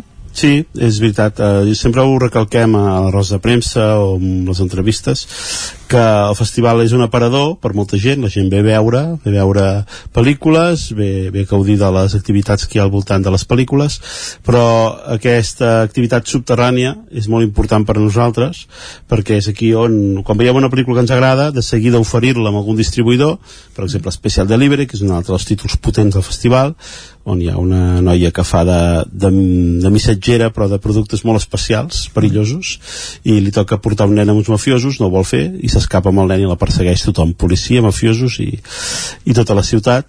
Doncs és una pel·lícula que ha comprat You Planet. I també és una pel·lícula que si no arriba a ser per ells difícilment la podrien tenir al festival perquè tenen un fi. Un fi és el, són els drets d'exhibició que és el preu que et posa la productora distribuïdora bastant, bastant elevat no?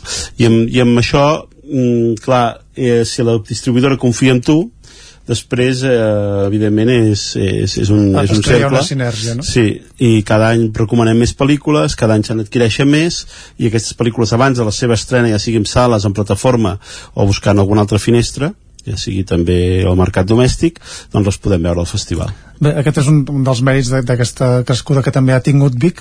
I tinc una pregunta també, hi haurà algun hit tipus triple R com vam tenir l'any passat que és una pel·lícula que ha fet uh, moltíssims espectadors a Netflix també, sobretot perquè és la, la plataforma al final on s'ha distribuït però que va tenir estrena aquí i amb, bueno, és una sessió d'aquelles que es recordarà per temps. No sé si el fet de tancar amb Vikram va una mica en aquesta línia o espereu que alguna sí, altra Vikram és una pel·lícula excel·lent, extraordinària, de veritat, és un thriller cinema aquest allò que en diuen cine noir eh, a la Índia, o sigui, una pel·lícula sobre un cas de terrorisme amb tres històries que es van entrellaçant i és d'una riquesa narrativa amb molts girs de guió a més a més com els agrada als indis Mm. i molt espectacular en les seves escenes d'acció però no és un triple R no té la festivitat, no té l'exuberància o la, la, la hipèrbola de l'acció que té Triple R. Triple R en surt un cada... Diguem, el Rajamouli, l'SS Rajamouli, director de Triple R, fa una pel·lícula cada dos o tres anys, que sol ser la superproducció més gran de la Índia cada vegada que, que en roda una, i ara està preparant un, un, justament una pel·lícula d'acció amb lladres de trens i que sembla que serà la bomba i l'any que ve segurament la podrem veure al Festival Nits, però de moment aquest any tenim KBKJ, que no és, que no és triple R, però déu nhi que la podrem veure a la Bassa el dia 22, jornada de reflexió a la nit, i que és una pel·lícula que barreja acció, molts números musicals i molta comèdia absurda índia. I, i, i, a més que és la, sol ser la sessió més massiva de, sí, del sí, sí, festival. i si la veiem sense prejudicis, allò amb una desinhibició total, és una pel·lícula que tu passes. Hi ha una escena de mitja hora al metro, de, de, de diferents baralles i, i que, que, que és d'una bellesa acrobàtica i d'unes coreografies treballadíssimes que jo crec que la gent s'aixecarà de, la, de la cadira i aplaudirà però, però triple R no n'hi no n'hi ha cap bueno, no és el, evidentment òbviament són propostes diferents sí. uh, deixa'm preguntar-te també pel, pel Gran Premi Honorífic que és uh, Yasuake Kurata mm. que és actor, artista d'arts marcials ha compartit, ha compartit pantalla perdó, amb Jet Li, amb Jackie Chan amb una gran trajectòria amb, amb cinema d'arts marcials també uh, la pregunta obligatòria crec que és vindrà al karaoke o no? Uh, que és la pregunta obligatòria que li han fet i que suposo que en respondrà abans Ah, que comenci el festival però ve tots els dies del festival sí, serà aquí tots els sis dies a més ve amb la família ve amb la família que això potser amb la dona i la mica, filla clar, recordem que el Casanova Wong venia de solter i no, no, no ho dic en un sentit cràpula, però sí que el senyor evidentment el Casanova li cantava, penseu que quan anava al Casanova Wong el convidat coreà l'any passat una estrella al seu país i ja té uns, I, i uns quants Vic, anys ara i també, a Vic ara també que si està quatre dies més ja el fan alcalde eh? sí, el fan, sí, sí. Oh, doncs mira, vist del panorama, doncs el, el tema és que el Casanova Wong s'anava, quan anava amb el cotxe oficial a, a la platja a Barcelona a fer alguna visita, escoltava Julio Iglesias al cotxe, vull dir Mira. que teníem el, el, nostre, el nostre xòfer estava ja a punt d'explotar de, d'explotar el cap com a escàners. Uh, veurem, el Yasuaki Kurata és un, és un actor d'una trajectòria impressionant, no només al Japó i a Hong Kong, sinó fins i tot a, en l'àmbit internacional, va Mhm. ser un dels, un dels intèrprets a, a Mishima, del Paul Schrader, i per tant sí. té, una, té una trajectòria, una el veus, i, però veurem, potser ens sorprèn, tant de bo, i també tingui la mateixa accessibilitat que tenia el Casanova Wong. La veritat, eh, i a més eh, és això, eh, també serveix això per remarcar que, que hi ha altres activitats paral·leles, això hi ha tallers infantils, sí. uh, hi, ha, hi ha això també tallers de cuina que, que s'estan fent aquests dies, vull dir que és això. Uh, recordem que el Festival Nits també va més enllà del cinema Mm. i aquesta és una mica la, la intenció també. No, no sé si vols preguntar alguna cosa, Joan? No, pensava això, eh, que, que, que evidentment vosaltres coneixeu molt aquest tipus de, de cinema i que, i que hi ha molta gent que tampoc té la necessitat de conèixer el que ve perquè s'ho passa bé amb les propostes però, però mirava aquesta part més de, de retrospectiva que potser no n'hem parlat i que també és interessant i que sí que hi ha noms que, que molta gent coneixerà, no? Sí, aquesta, bueno, aquestes pel·lícules com, com el Castell de, de Cagliostro, de, de Sí. Hayao Miyazaki, que es projecta amb aquesta restauració en 4K, o aquestes mateixes pel·lícules eh, pro, pro, pro, protagonitzades pel, pel convidat, que són eh, Fist of Legend i el duelo del dragón i el tigre, no? Uh, ja no només és preguntar per què es projecten aquestes retrospectives, sinó per què no són necessàries les, les retrospectives en un festival. Sí, sí que són necessàries molt i tant. El, el que passa que a vegades els, els que organitzem festivals, els cinèfils els que ens agrada, els que són fans de festivals de fet jo sempre ho dic, fem aquest festival perquè és el festival que a mi m'agradaria rebre com a espectador no? que soc una mica el, el receptor de, de molts festivals de públic i dius m'agradaria veure això per tant ho fem així. I si tens el retorn del públic com sembla doncs això és molt bonic. Però la veritat és que a vegades voldríem fer retrospectives de coses que són molt impossibles i en canvi ens estem acostumant i crec que fem bé a buscar les pel·lícules que els propis distribuïdors et posen a l'abast de la mà. El Castell de Cagliostro, que la veurem en català doblada al català, amb una còpia en 4A, en 4K, és perquè han adquirit els drets a Selecta Vision que és aquesta distribuïdora de Barcelona que ara acaba de- d'estrenar de, Slam Dunk de, de nou Sí. al, als cinemes amb la pel·lícula nova i, i clar, ens va oferir la possibilitat de veure aquesta pel·lícula en cine que serà crec que l'única perquè a part d'aquest passi directament després ja la, la, la posen les finestretes que dèiem de, de plataformes o, o cinema domèstic no? i les del Curata, Fist of Legend la va triar ell, la va escollir ell i vam negociar-la amb la distribuïdora de Hong Kong i per tant veurem la pel·lícula protagonitzada pel Jet Li i ell amb una còpia que esperem que estigui molt i molt bé uh, amb DCP a l'Atlàntida i Duelo del dragón i el tigre que no té res a veure amb la pel·lícula de l'Anglí és una coproducció de Hong Kong i Espanya dels anys 70 que la, projectem com a complement del llibre que hem, que hem tret, que hem editat aquest any eh, que l'han escrit el Carlos Benítez de la Montse Rovira de Serendipia Project Onaschi i que el llibre és excel·lent, un totxo de 500 pàgines que explica totes les a, a, a relacions tot color, eh, a més a més. de tot color i a més a més molt molt això, molt abundant amb imatges, amb fotos, Mm. amb documents que han trobat inèdits, amb quantes fotografies, cartells, programes de mà que no s'havien vist encara. I per tant serà una, és una, jo crec que és una autèntica joia. I el llibre mm, clar, per presentar-lo si es diu sempre, quedarà, sempre nos quedarà Pequín una referència molt poc clara a Casablanca. I aquí es repassa no, des de l'origen de que van venir els primers xinesos i sobretot filipins al litoral català on ara hi ha el fòrum a Sant Adrià de Besòs i les primera, el primer barri xino el primer barri xinès i les primeres manifestacions artístiques d'asiàtics a Espanya i Catalunya fins a la desembocadura del cine no? que recordem que fins i tot Jackie Chan va venir a rodar la Supercamorristes a Barcelona Sí, i, i bé, hi ha, hi ha moltes altres col·laboracions i una d'elles és aquesta aquest duelo del dragón i el tigre que és inenarrable de veritat. És una pel·li espectacular amb un argument que no té eh, inventen un nou component pel semen per fer uns, uns homes més forts i se el roben i se l'emporten a Hong Kong i envien dos agents de la CIA un que fa passar per torero i un altre entrenador de tennis per anar-ho a buscar només amb aquesta premissa argumental jo crec que tot En el la públic de- hauria d'estar entrant ja a la web i comprar l'entrada comprem, comprem sí, sí. la podem veure el dissabte al migdia a l'Atlàntida, una, una altra pel·lícula que fem la jornada de reflexió. Mm. Jornada de reflexió l'hem omplert de, de pel·lícules que realment van molt bé per, per reflexionar. hem d'anar tancant uh, res, ens queden 30 segons uh, l'última um, uh, veiem això, que hi ha un nou espai que s'incorpora al centre cívic Joan Triadú què guanyem en aquest espai? Què s'hi farà?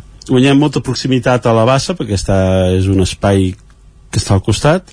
Uh, és un nou centre cívic de Vic, uh, molt més gran, era on hi havia la biblioteca abans i per tant és com una mena d'àgora. Podem instal·lar una barra de bar ben bé dins la sala i abans estàvem al casino que estava molt bé però hi havia un problema de climati- climatització evident i en canvi aquí la gent estarà molt fresca i podrà, i podrà gaudir de les pel·lícules, del karaoke. A part és un espai totalment insonoritzat i la gent que vingui al karaoke podrà cantar o cridar la majoria cridem. Encara pitjor. encara, sí, tant com, tant com vulguin, com puguin i fins a l'hora que vulguin. Uh, o sigui que és un, és un complement meravellós per a- d'espai meravellós per, la, per al festival Doncs, Quim, moltíssimes gràcies. No tenim Gràcies a temps de més, però en podíem omplert tres vegades aquest espai i encara Sí. no hauríem, ens hauríem deixat alguna cosa. Uh, Gerard, també moltes gràcies i, i bones vacances. Com sempre ja ens estem veient i, I tant. i fins a la propera. Fins la propera. Bones vacances i bones nits a tothom. Adéu-siau. I abans d'acabar la secció de cinema, el que farem serà fer un repàs a les estrenes, no només les d'aquesta setmana, sinó les dels pròxims dies, i ho farem així en general, perquè, doncs, evidentment no podem detallar eh, què fan a cada cinema. En tot cas, aquest cap de setmana tenim Missió Impossible, Sentència Mortal, la primera part, i Elemental, de Pixar, el cap de setmana següent, que està batejat com a Barbenheimer, perquè doncs, coincideixen les dues estrenes de l'estiu, que és Oppenheimer i Barbie, però també es fa Insidious, La Puerta Roja, i ja a l'agost, el primer cap de setmana d'agost tenim el Megalodon 2, La Fossa, i la segona setmana Háblame, la pel·li de, de terror de, de la temporada i Gran Turismo, una adaptació del, del famós videojoc. I a finals d'agost una que em fa especial il·lusió que són els Ninja Turtles, les tortugues ninja amb el caos mutant una pel·lícula d'animació interessant que s'estrenarà ja el dia 25 d'agost. Ara sí, que tingueu un bon estiu que mireu molt de cinema i ens tornem a escoltar al setembre. Farem els deures. Gràcies, Joan. També molt bon estiu. I així, recomanant, recollint les estrenes que hi haurà al llarg de l'estiu, acabem també la secció de cinema aquesta temporada al Territori 17, una secció en la qual cada setmana ens han acompanyat en Joan Garcia i en Gerard Fosses de la veu de Sant Joan i que avui hem tancat amb aquesta entrevista en Quim Cruselles, el director del Festival Nits de Cinema Oriental, que durant la setmana que ve pren el protagonisme a la ciutat de Vic, amb aquestes nits temàtiques, evidentment, que, que, que han fet del festival una icona amb sopar temàtic i projecció de cinema de cada país cada nit a la bassa dels hermanos però amb tota aquesta altra sèrie d'activitats, de projeccions eh, al llarg de, de tota la setmana a la ciutat de Vic. El Festival Nits de Cinema Oriental que ha ocupat avui la secció de cinema al Territori 17 i amb ells que acabem també el Territori 17 d'aquest dijous 13 de juliol de 2023.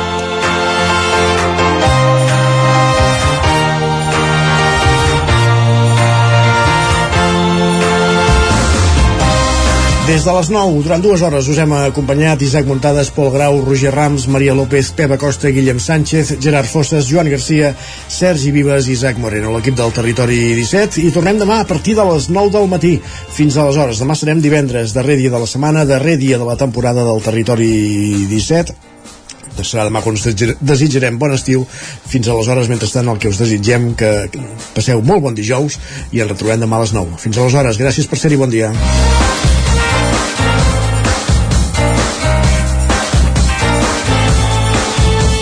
Territori 17, un magazín del nou FM. La veu de Sant Joan, Ona Codinenca i Ràdio Cardedeu amb el suport de la xarxa.